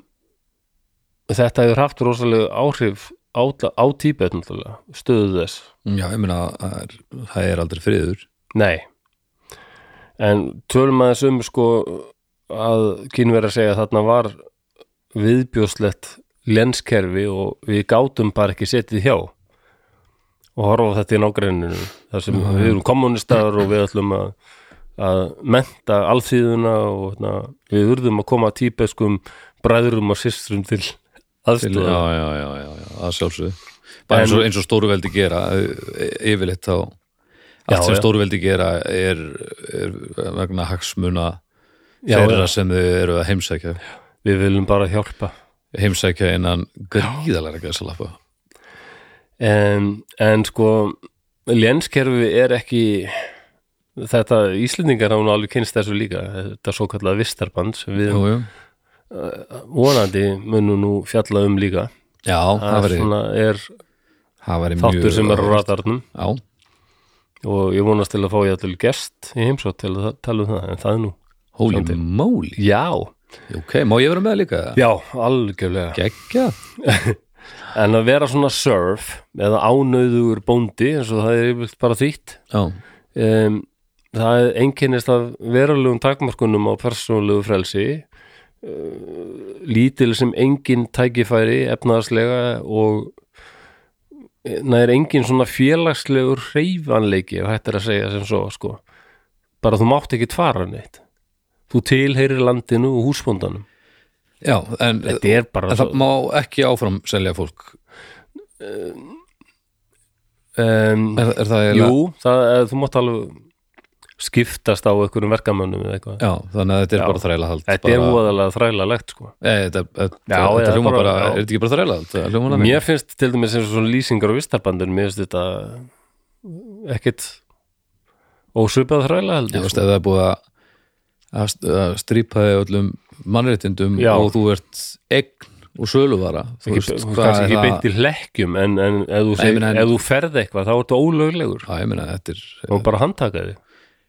og uh, flakk er bannað ég er ekki að segja að, að þræla hald og þræla hald sé það sama með hörmungar sem hafa gerst annars staðar en þetta hljómar allavega eins og, já, það er eins mjög og illa þetta séu þrælar Þú veist. það hefur náttúrulega verið mismöndi eftir tíma og stöðum sko, Já, já, en svo það er sem. svona ímsir svona eiginleikar sem eru þessum, þessu skipulagi svona eins og til dæmis þessi skortur og frelsi Mhm. að ánæðið er bændur eins og orðið gefur til kynna er ekki frjálsir einstaklingar heldur bundnir við landið þar sem þeir vinna og þeim meg, þeir mega ekki yfirgefa landið eða yfirráð húsbóndan án hans leifis mm. um, þáttu bara lögbrjótur Mm vistarband, þú ert bundin í ákveðna vist já, sko. já. um, efna, að vera efnaðarslega háður sko. þeir voru líka, já, háðir landinu og húsbundunum og þeim var gert að, að vinna landið e, eða rækta það Mm -hmm. framleiða landbúnaðarvörur fyrir húsbundun Mm -hmm. og á móti að hann að veita vernd og einhvers konar efnaðarslegt öryggi Mm. rittarinn í kastalanum sínum og fullt af litlum sveitabæjum og já, já, já eða koma reyningar þá að hann að koma með rittarana sína og, og riddarast já, og rittarast mm. en þessi bændur eiga ekki landið sem þeir vinna á eignar hand á landinu til er það er húsbóndin og þeir eru eiginlega bara svona leyendur greiða, greiða samt gjöld sem þeir borga yfirleitt fyrir bara með því að vinna já, hafa þá rétt til að vinna landið ok mátt búa einna já, en þú verður að vinna já Uh, engin félagslegur heifalegi ef má nota það er, og sko fæð, þú fæðist ef þú ert svonur ánöðus bónda þá verður þú ánöður bóndi Þetta er bara, félagslega staða er arfgeng já, já, þetta er þannig að kannski komum við inn á okkur ég stundum er fúll út í þetta orðfeðraveldi sko. því að svonur ánöðus bónda hann er, hann er ekki neitt hann er áfram bara þræll þræll getur af sér þræll Já, þannig var þetta en hvernig, hvað, og hvað gátt ekkit þeir gátt ekkit bætt stöðu sína félagslega eða efnaðarslega en hvað hefur það með feðraveldið að gera Æ, bara ég meina uh, Jú, jú, þetta eru feður sko sínir en hérna kannski hafa ykkur Ég veist þú vera óþálega mikið að hengja þið bókstæla í, í í stök Já, ég orð held innan að þetta stærra sé bara ástæðan stærri fyrir því að merkingar. margir kunna ekki við þetta orð sko af því að það verist skauta það er svo hæk, ó, það er svo auðvöld að skauta fram hjá þessari þessari staðreind sko Það er svolítið Að- ekki Við verið erum að tala um rosalega sko, meiri hlutana fólki einn á Íslandi var það svo ofsalega stór hluti þjóðurina sem var í þessari ánöð bæði karlar og konur Já, já. Mér finnst að, að, að því að mér finnst finnst, uh, mér finnst þú vera að taka þetta hugtak feðraveldi á fyrir mína svona parta á full persónulegar uh, lendur sko með, eh, fyrir mér er þetta ekki svona einstaklingsks Nei, nei, allt í lagi, ok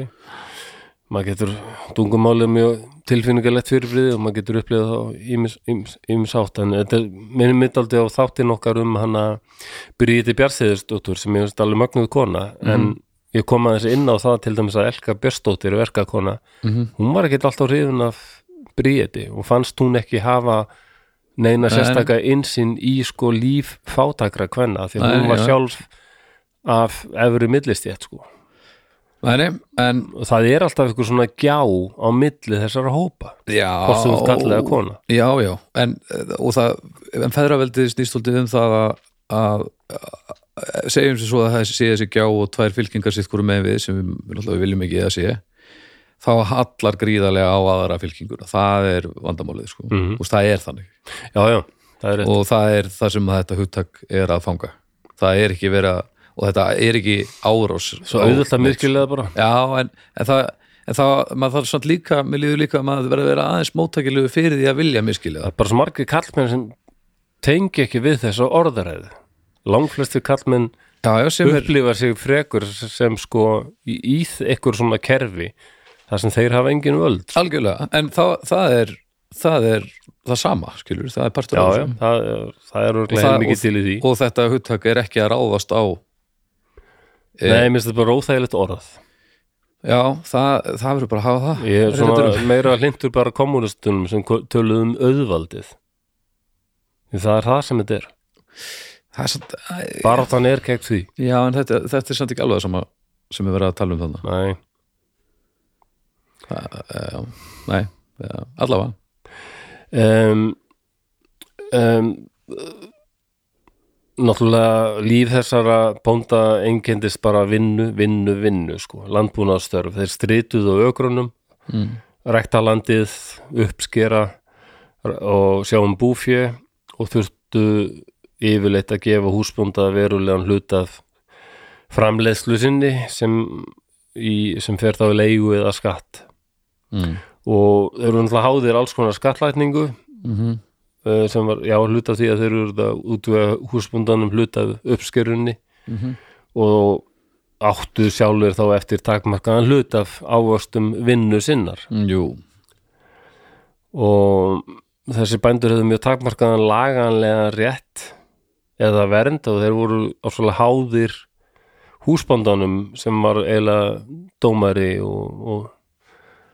sáum að réttlæti var hans megin sko og þetta var oft sem sagt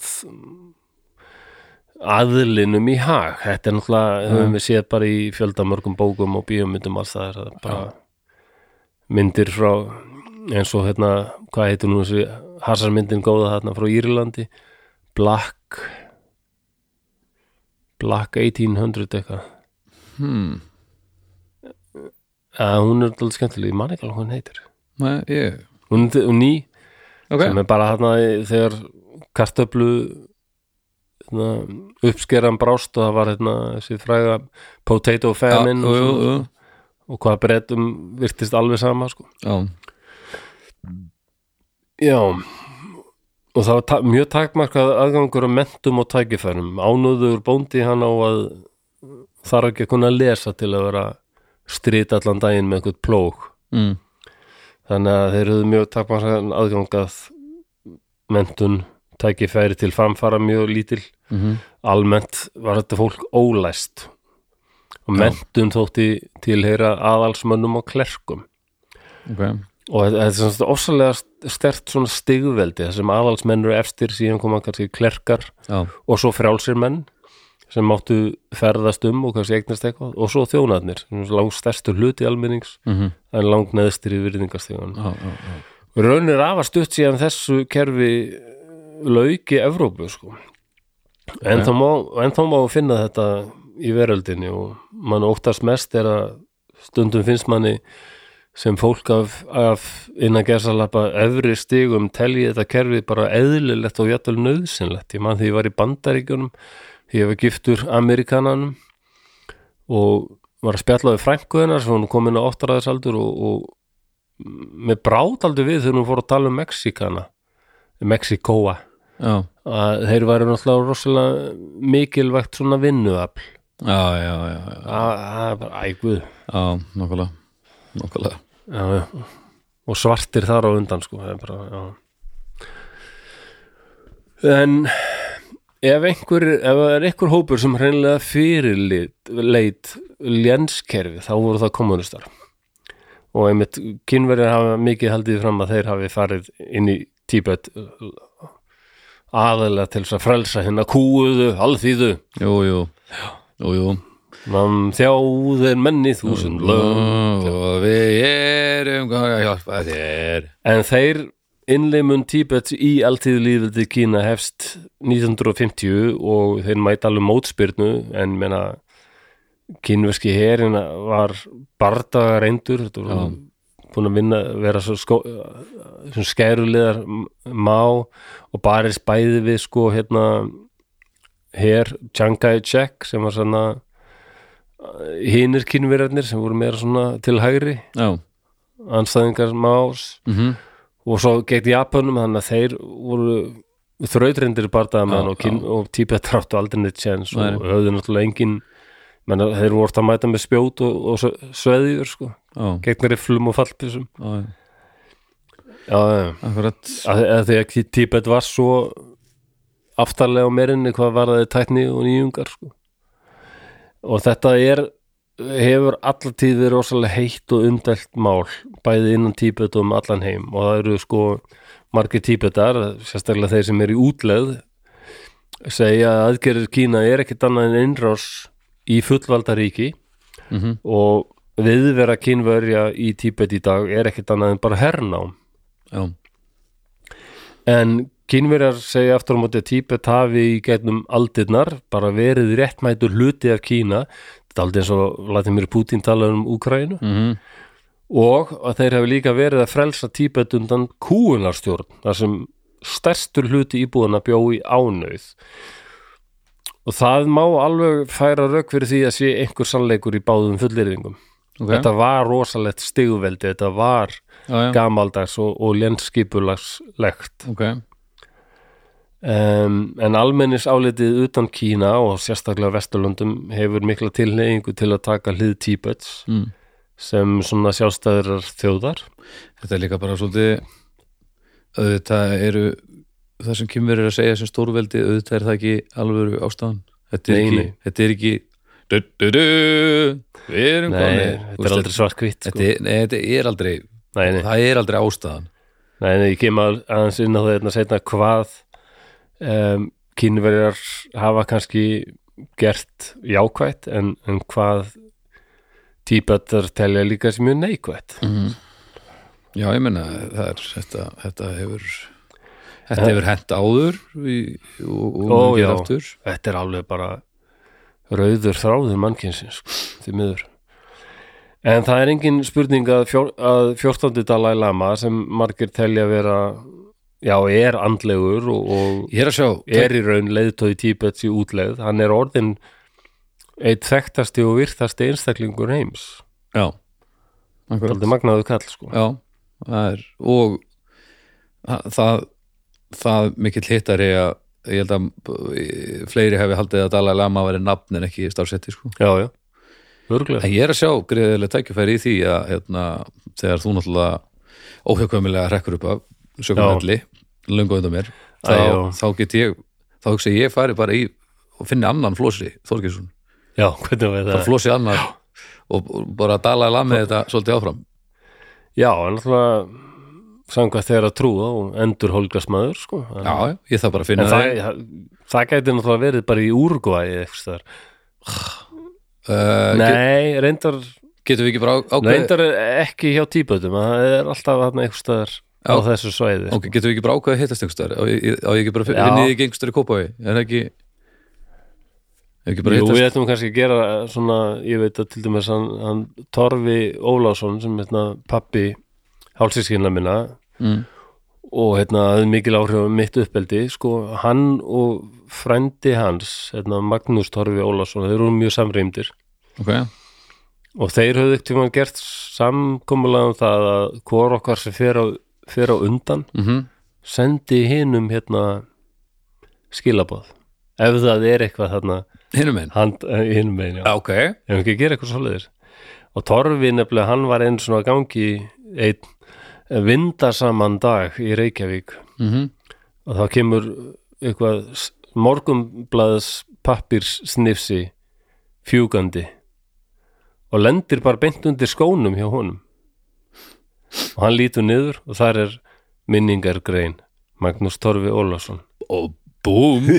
ok, nokkuð gott það sagði, já, já, ok, næs, gott en að fá þetta býtur ekkert erfitt að maður, djú, þannig að þetta æfa sig til að segja hitta undir sólan í vindinum eða Nei, hvað, nei. eða hvað stjórna maður vindinum þegar maður er dáin, nei, nei, e, eða pappi já, jú, jú ég meina, þetta, þetta er, Magnús lítur að hafa fengið leifi frá Guði til að senda skilabóð eitthvað, en já, er Guð, þetta er náttúrulega engin spurning en Guð er opinn fyrir Torfi sagði að þetta væri náttúrulega engin spurning þannig að fekk hann þetta bara á, Já, já. er hann á lífið ennþá torfi nei, hann, hann dán, dó held ég tvö, fyrir svona tíu árum síðan, ok, níu eða tíu árum síðan en náði háum aldrei sko en ég meina það þýðir að, að þá getur þú veist farið inn í eftirlífið með einhverja vitneski um hvað, hvað planið var hérna megin, þannig að getur við ekki bara ákveðið að hittast við sundlaugina í Kópói þegar að þú ert klári þegar þú ert orðin fimm ára eða eitthvað já, og þá bara ef ekki, ef ekki segja bara á uh, er, er ekki lokað á nýjastugum eða við erum svo sem ekki að fara í sund Við hittust bara á, við hittust bara á nýjastag uh, hvernig heldur þú verið dáin? ég,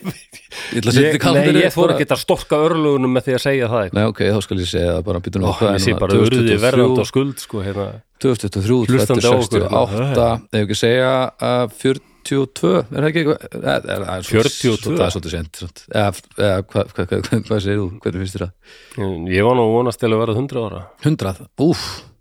ok, ah verðum við samt ekki að vera Ég, raunsa þú, ég þú- þú ekki að storka örlugunum með því að tala meira um ok, þetta Ég þá, bara- ok, ég þarf byrja, ég þarf, þú voru að gefa mér smá stund af því ég þarf að fletta mjög langt í kalendarinu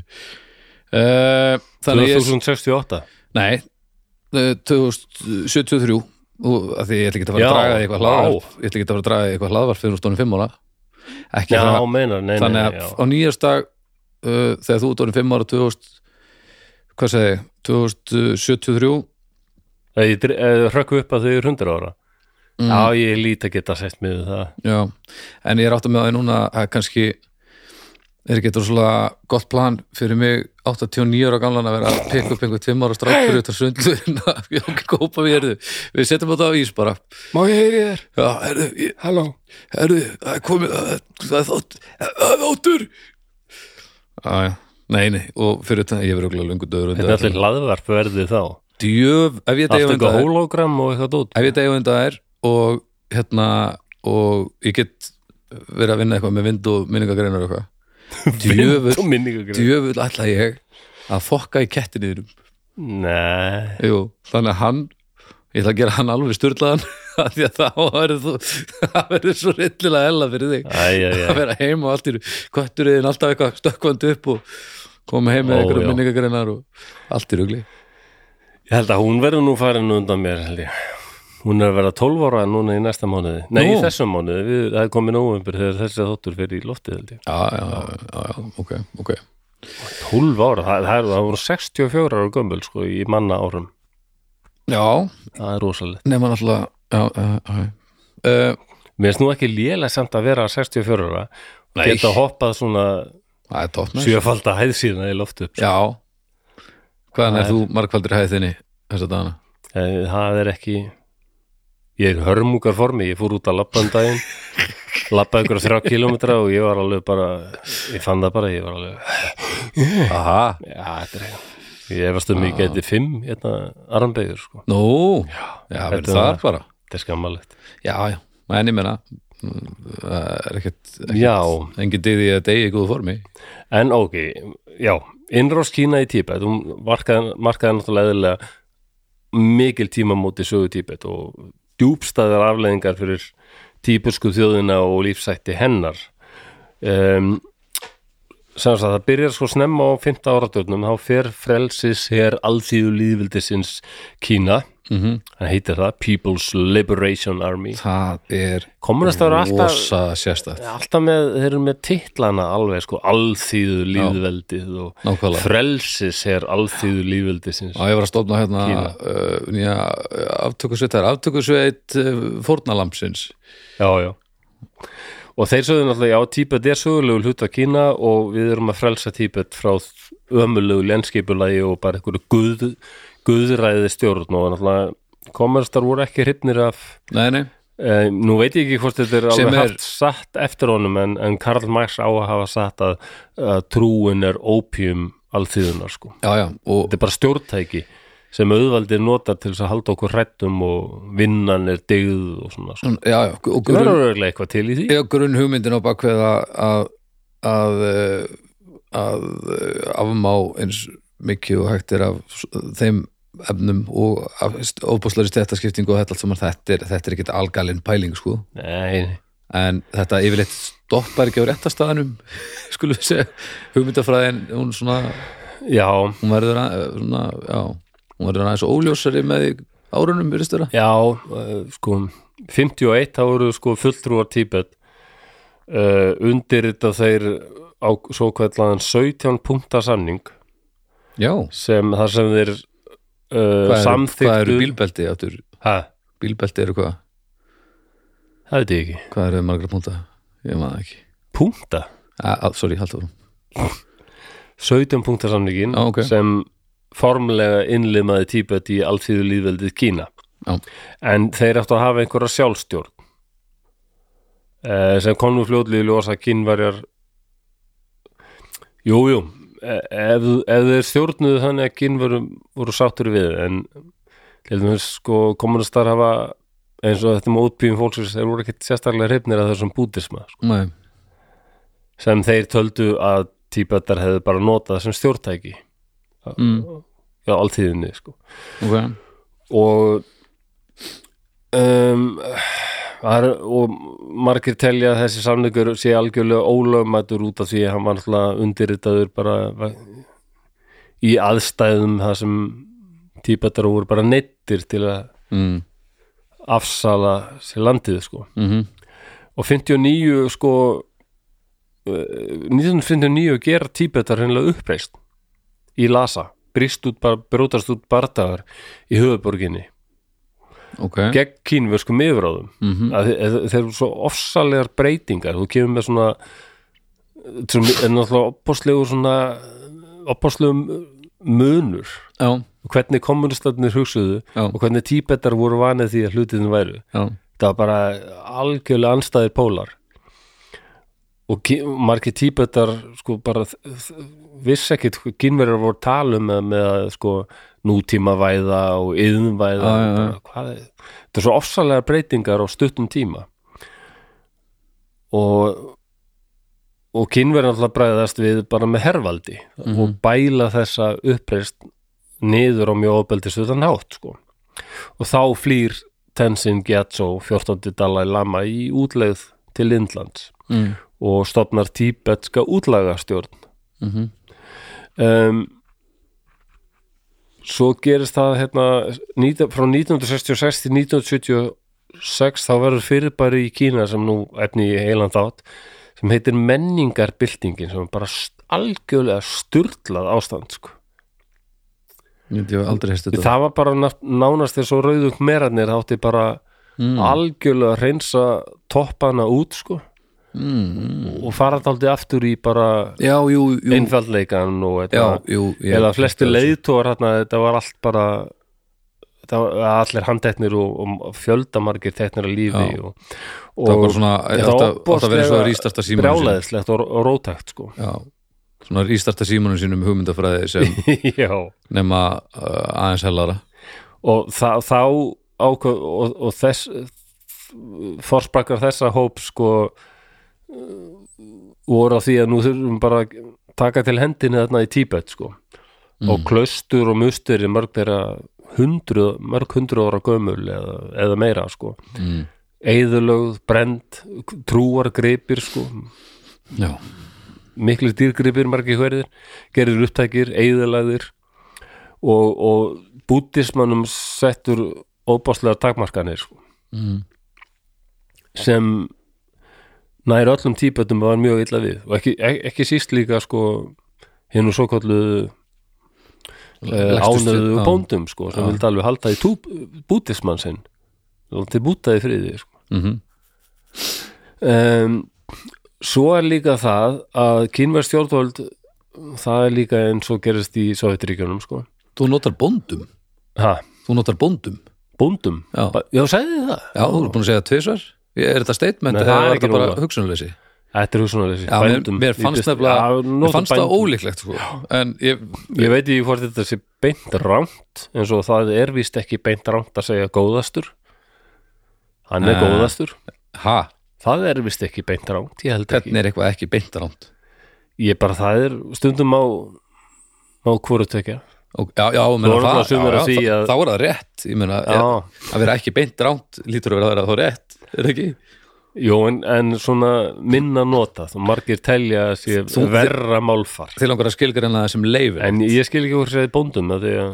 ég er nú vanur að segja bændur Já, já, ég bara, ég, ég bara hjóðu eftir þessu og var bara að pæla hvort það væri Já, það, ég byrst afsökunum hvort það væri lagsnes statementið Nei, nei, ég er bara Já, það er það Þú þarf ekki að beðast afsökunar ég þetta er er allt í lagi, ekki sko. Ég var bara að velta þessu fyrir mér ég finn að ég er þreyttur, ég er í engu, engu hérna, Engu líkalegu formi komum hérna á nei, ég er engu andluðu formur Þú örugglega. ert náttúrulega svo illaði komin að þú getur ekki tekið fimm arbeigir og ekki sett æ Nei, þetta er alveg Þetta er allt í Þetta er- skrúin Já, þetta er allt í skugunni Já, kínverstjórn og SV Sovjetríkjunum þá hérna voru Stalín ákvaða til þess að búa til alvöru sovjaska alþýðu þá var það sniðut að taka kannski letta og litáa færa það til Vladivostok Mhm. eða Sýberíu Sýberíu menn hingað og bara ræra í öllu í eitt graut og þá búa allir alls staðar og allir eru glæðir Já, og Nei, Ekki Þetta er, já, nei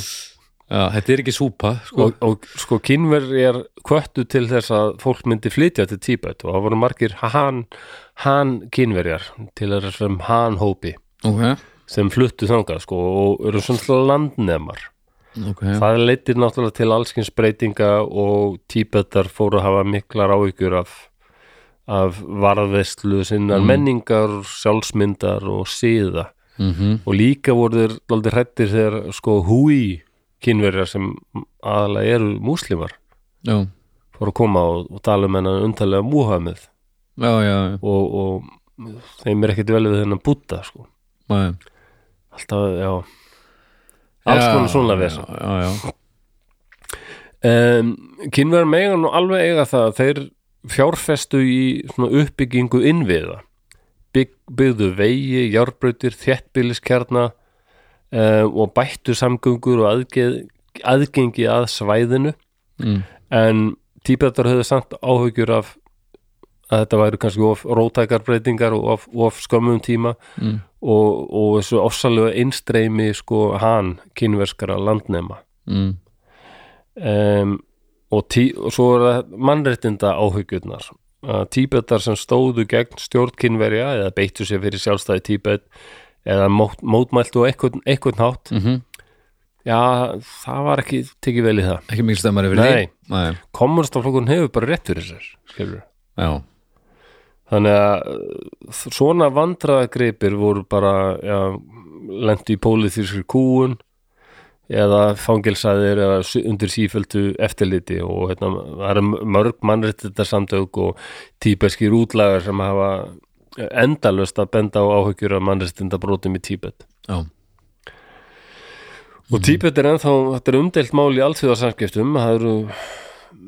maður sér þetta alltaf poppa upp reglulega umræður um sjálfstjórn tíbeta og umræður um mannrétt þetta brot kynverja Mhm.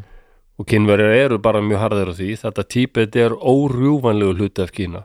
og við höfum bætt lífskjör hérna nútíma vætt svæðið og hlustum ekki á þetta bull Mm. og ég ætlaði kannski bara svona í lokiðan tala um þannig að það er áhyggjur um mörgu en fáur geta samt mælt í móti jújú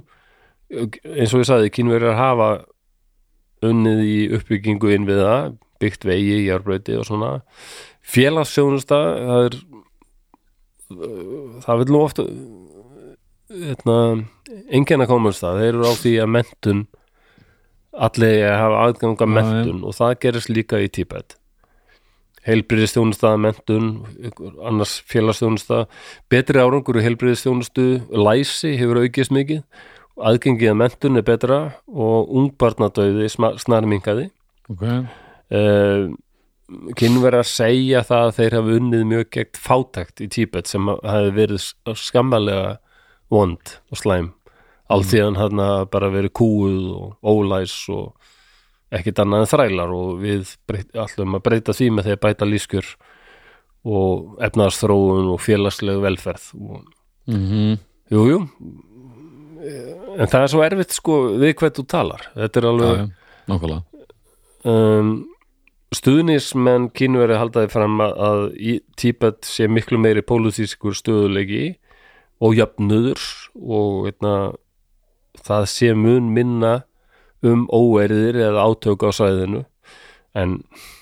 þetta er minnum það þegar þegar hérna eru 20.000 meðlumur hérna Mm. kínverska frels, eh, frelsishers alþýðulíðvildisins Já, er þetta gráir fyrir já, hjörnum það því, já kannski, nákvæmlega. já, hann maður ekkit ég mótmæli, ó, ó, hann er með AK-47 já, eh. já, akkurat og Kannski þess að tölur En- segi ekki alla söguna en jú, þeir hafa byggt vegi og járbreytti og það hefur verið einhvers konar nútíma væðing og veitna en ástandið í Tíbet þarna, þetta er ennþá flókið það eru margar ólíkar frásagnir ólík sjónarhorn á þessu mm. og ennþá mikil umræða um sjálfstjórnina hvort mm. Tíbet þar ætti ekki að hafa meiri sjálfstjórn Mm -hmm. og mannréttindabrót og þannig að þetta er áfram alþjóðlegt áhyggju efni og, og óendalegt umræðu efni Þetta er búið að vera einhvern veginn svona í umræðinni óbáslega lengi já, og þetta, þetta er einmitt svona sem svona kemur upp á yfirborði und, svo svona fellur und, niður aftur og maður heyrir ekki að þessu lengi og þetta bóttið bara að nákvæmlega sami gangi það er þessar sveiflur hvernig þetta kemst inn í vitund eins og okkar þar sem við erum og með þessa vestrænu hugsun og allt þetta hvernig þetta svona poppar inn og hverfur aftur svona reglulega já, já, eh, eins og nánast þess að Ísrael bara, Palestín al, bara að nákvæmlega eins og- alveg sem ég man eftir mér sko, þá er, það er verið sjóðandi heitt sko. Já, þetta er svo sérstætt hvernig já, en eins og með Ísrael Palestín þá er eins og fólk finnir sér rosalega knúið alltaf til þess að taka afstöðu með öðrum gegn hinum ég verður maður alltaf að gera það ég veit það ekki, ég, það verður hver og einn eiga við sér svo já, sem. það en, er eiginlega langbæst en þegar að uh, eitthvað uh, er jafn viðstyggilegt og það sem er í gangi núna og, og hugljúst þá finnst mér að fólk ætti Já. nú að ekki að þurfa að hafa neitt sérstaklega langa tíma til að gera það upp við sig Nei, mín persónulega skoðun á þessu tíbetmáli bara núna því ég er búin að hella mér daldi í þetta er, Já. jú, það er örgulega heilmikið til í ásökunum kynverjum að ástandið hafi ekkit verið neitt sérstaklega fallegt sko Þannig, en það er mjög líklega líka íkt mm -hmm. alveg eins og það er heil, örgulega heilmikið til í e, lýsingum tíbeta í útlegðum hvernig kynverjar, ég menna kynverjar hafa nú get, þeir hafa alveg orðið upp í sér að ég man eftir 4. júni 1989 sko, þarna þegar voru mótmæli á torkins innverska hreiða akkurat og skriðtrekarnir mættu og svona, það var ekki fallegt maður Nei. þannig að og hvernig þeir láta við Taiwan til dæmis það er, þetta er bara kynverst og þetta mun verða kynverst eða. já, já þannig Mm. að Já, þannig að ég, mér er ekki derrið að trúa því að þeir hafi einmitt og sérstaklega hérna áður fyrir sko, gengið mjög hart fram og, og, og við vitum það alveg að þeir rústuðu þarna t- musterum og heilum stöðum og fangilsuðu fullt á fólki og, og og tók já, einmitt ef þú ætlar að ef þú ert að mæta eitthvað til þess að bjarga fólki já, þá kemuru og þú reynsar þú veist, þá, þá, þá reynir að laga vandamálið og svo stíga tilbaka og leifa já, þeim sem þú varst að bjarga að taka við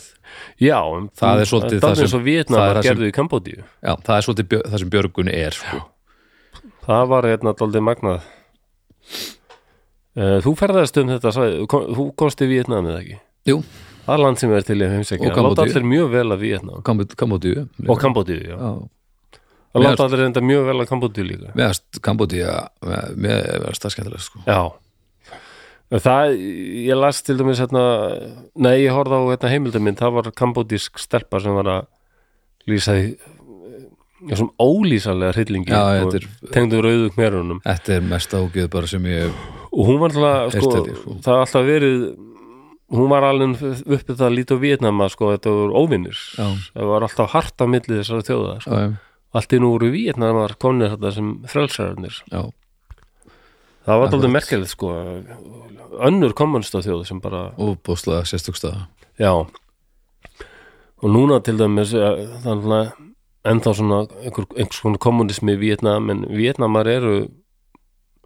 með Vesturlöndum í liði daldi gegn Kína því að þeir eru svo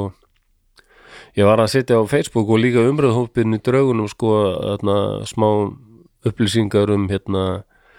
Tómar, Tómasar Rif annað hvað heitir það hva sagður það þarna? Second Thomas Sjól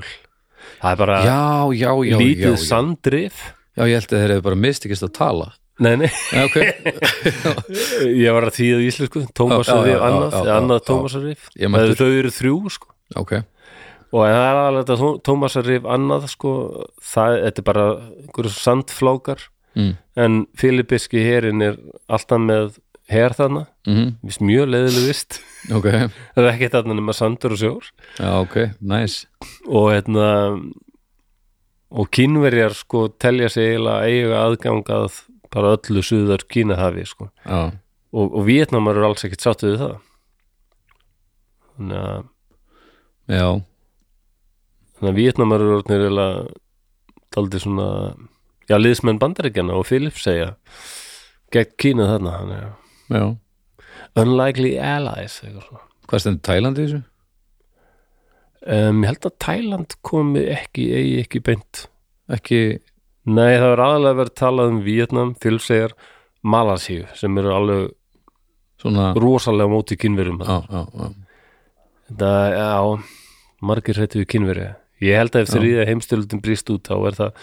verður það þetta einhvers staðar, sko, þegar þeir ráðast á Tævan eða eitthvað, sko. já, Bandarki munir alltaf harðir á því ef, ef þið gerið eitthvað, þá skiptum við okkur af já, Æ, vonandi verður, já, já já. þannig að við endum þetta á léttum úðurum Já, eh, svona er nú heimur skemmtilegur sem við búum í já, segðu Já, frá ég þessu. hef ekki meir um Tíbet, ég vona að Nei. þetta hafi svona varpað einhverju ljósi á þetta svæði, algjörlega, þetta, þetta gerir það vissulega. heillandi svæði, ég var alveg til í að já, þetta er vist segi eh, eitt fallegasta landi heimi sko Ros, uh, sá það alveg í þessum myndum á YouTube og einmitt þessar svo kýmisku myndir eru vel gerðar, flott myndataka og það er áðbóðslega flott hann þessi fjöll, sko, Mhm. já, þetta er svo Mhm. bara sorry hekla, þú ert alveg sæt en ekki guðminn góður sko. ég meina þetta er ekki eðlilegt nei, nei, þessi þetta er fjallatoppar drama sko, þarna, hann er drama já, Ha. Þetta er einmitt, já og Þetta er, en, allt verið svo það er eins og loftið þarna um, hvernig við lýsa það þetta virtist eins og bara sé svo þund Það er að því að það er já, er, er, er, allt er svo er svo sterkir kontrastar einhvern veginn, það skörp skil Já, já, já, já, já, já, já, skil ég eins og allt sé svo skýrt einhvern veginn, ég veit ekki hvort það er loftið einhvern veginn og fólkið þetta er alveg sérstæð það er Mundur ekki bara setja, flott fólk þarna. mundur ekki bara að að setja við glerugun og orður á þetta Já, jú, jú, ég gerði það já, ég meina, þá er þetta allt saman Ég skýrt bara, og það, þetta kontrast og- virkaði mjög flott flott Já, en, hérna, en lýsingarnar hérna í þessum kynversku áróðasmyndum sko, já, þeirra sem segjast hafa upplegað þetta lenskipulag hafa mjög vond sko. mm. en að samaskapið eru lýsingar sko, frá hinni hliðinni sko, kún, já, kynverja og yfirgangi sko, ekki góðar nei, akkurat akkurat já, herðu, já nú ætlum var þetta ekki við bara heldur alltaf lagi betur jú, jú, já, var þetta ekki betur alltaf lagi fyrir. hjá mér eða það einhver voru samtíð bara mjög duglegur sagði ég bóndum, ég er eiginlega alveg í sjokki já, ertu alveg jú, þetta getur að vera alveg í sjokki sko, þú veist, þetta er, þetta er alltaf lægi já, e, þú veist ég held ég verið skammaður af ákveðnum aðeilum fyrir þetta Já, ég, ég bara, já, ok Eh, Það er engin ástæð til hvað er þetta Þetta er bara eins og það er maður Stundum bara ekki, segir maður eitthvað og svo bara, eitthvað En Það eru heyrðu, alveg kennarar í fjölskyldunni sem örgulega fengu hland fyrir hjartað að heyra þetta. já, skulum við vona að þessi líka læknir í fyrirskjöldunni uh, Sko, Læknir. uh, Nei, þið miður, það vantar. hérna þá er komið að því að við Já, ætlum já, að, ok. að hérna, að þakka yndislega Patreon fólkin okkar fyrir Já, besta fólkið. djáknum og, og flósum þorgjusbólum Ó, Uh, og þú eru aðeins að, ertu búin að liðka aftur á baku vöðvan? ég verða að standa mig. Já, það er bara svo leis. Leon Pétursson, Noel uh -huh. Nosrutep. já, já, takk fyrir. Uh, ok, Vilberg, 3478, Hjálp. Greblið.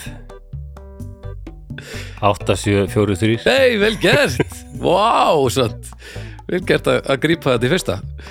Uh, takk fyrir, uh, Vilberg, velmenni, Agnar Ingvason,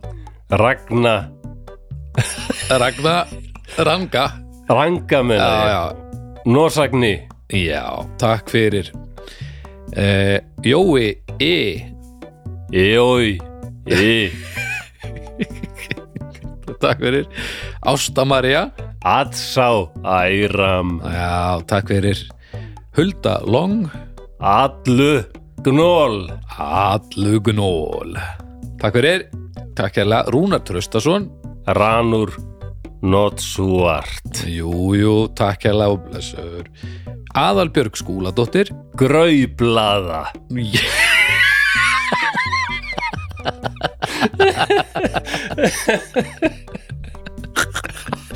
Þetta er þetta besta hrifin Þetta er reyndilega gott Graublaða Rittóta Lux Já, þetta er geggjað Herðu, það var Guðmundur Jón Rutnum þau Nói Mm, Jú, takk fyrir og blessur Gunnar Tórótsen Rannug Nestorot Nestorót Já, vel gert Er það ekki? Já, jú, jú, Ég held algjörlega ég, Það er svo magna þegar ég er að lesa þetta og þú nærður sér samt betur en ég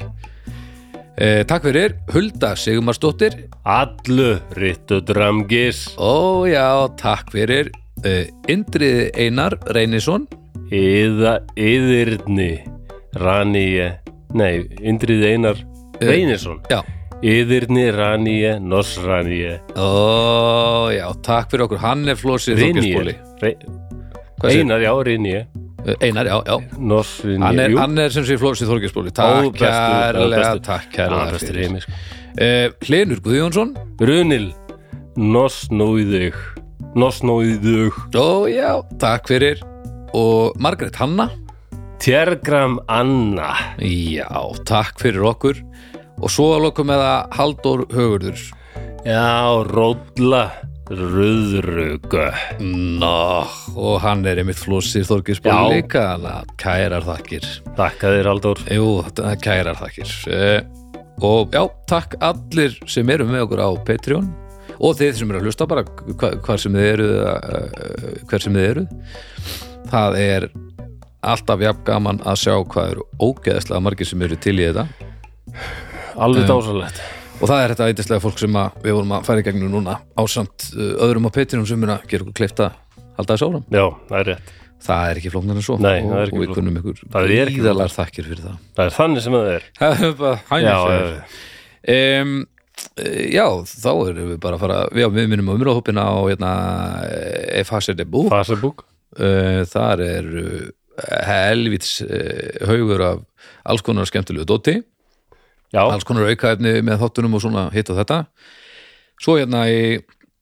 lýsingur á þættunum það er líka eh, hlekkur á, á hérna vefverslun uh, dragana, já, það er hægt að fá eitthvað eitthvað dót og hlusta á músíkina og svona eitthvað og svo er líka hlekkur á Patreonið ef að þið uh, hafi nú ekki hafi ekki nú þegar uh, skoðað það mál og, og vilji kannski hell ykkur í algjört drauga fyllir í næstu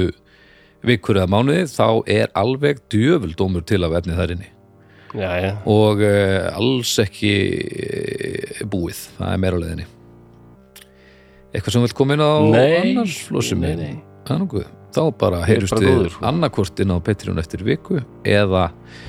eða hér á opna uh, streymin eftir mánuð Jep. bless og takk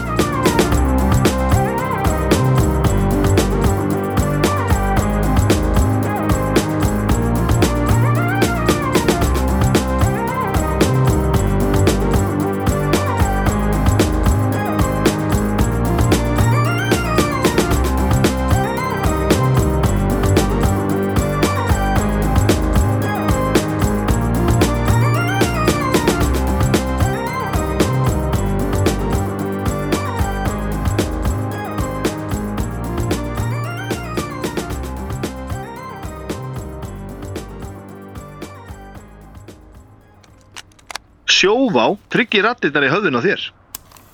Sjóvá er sérlegur bakkjarl hljóðkirkjunar.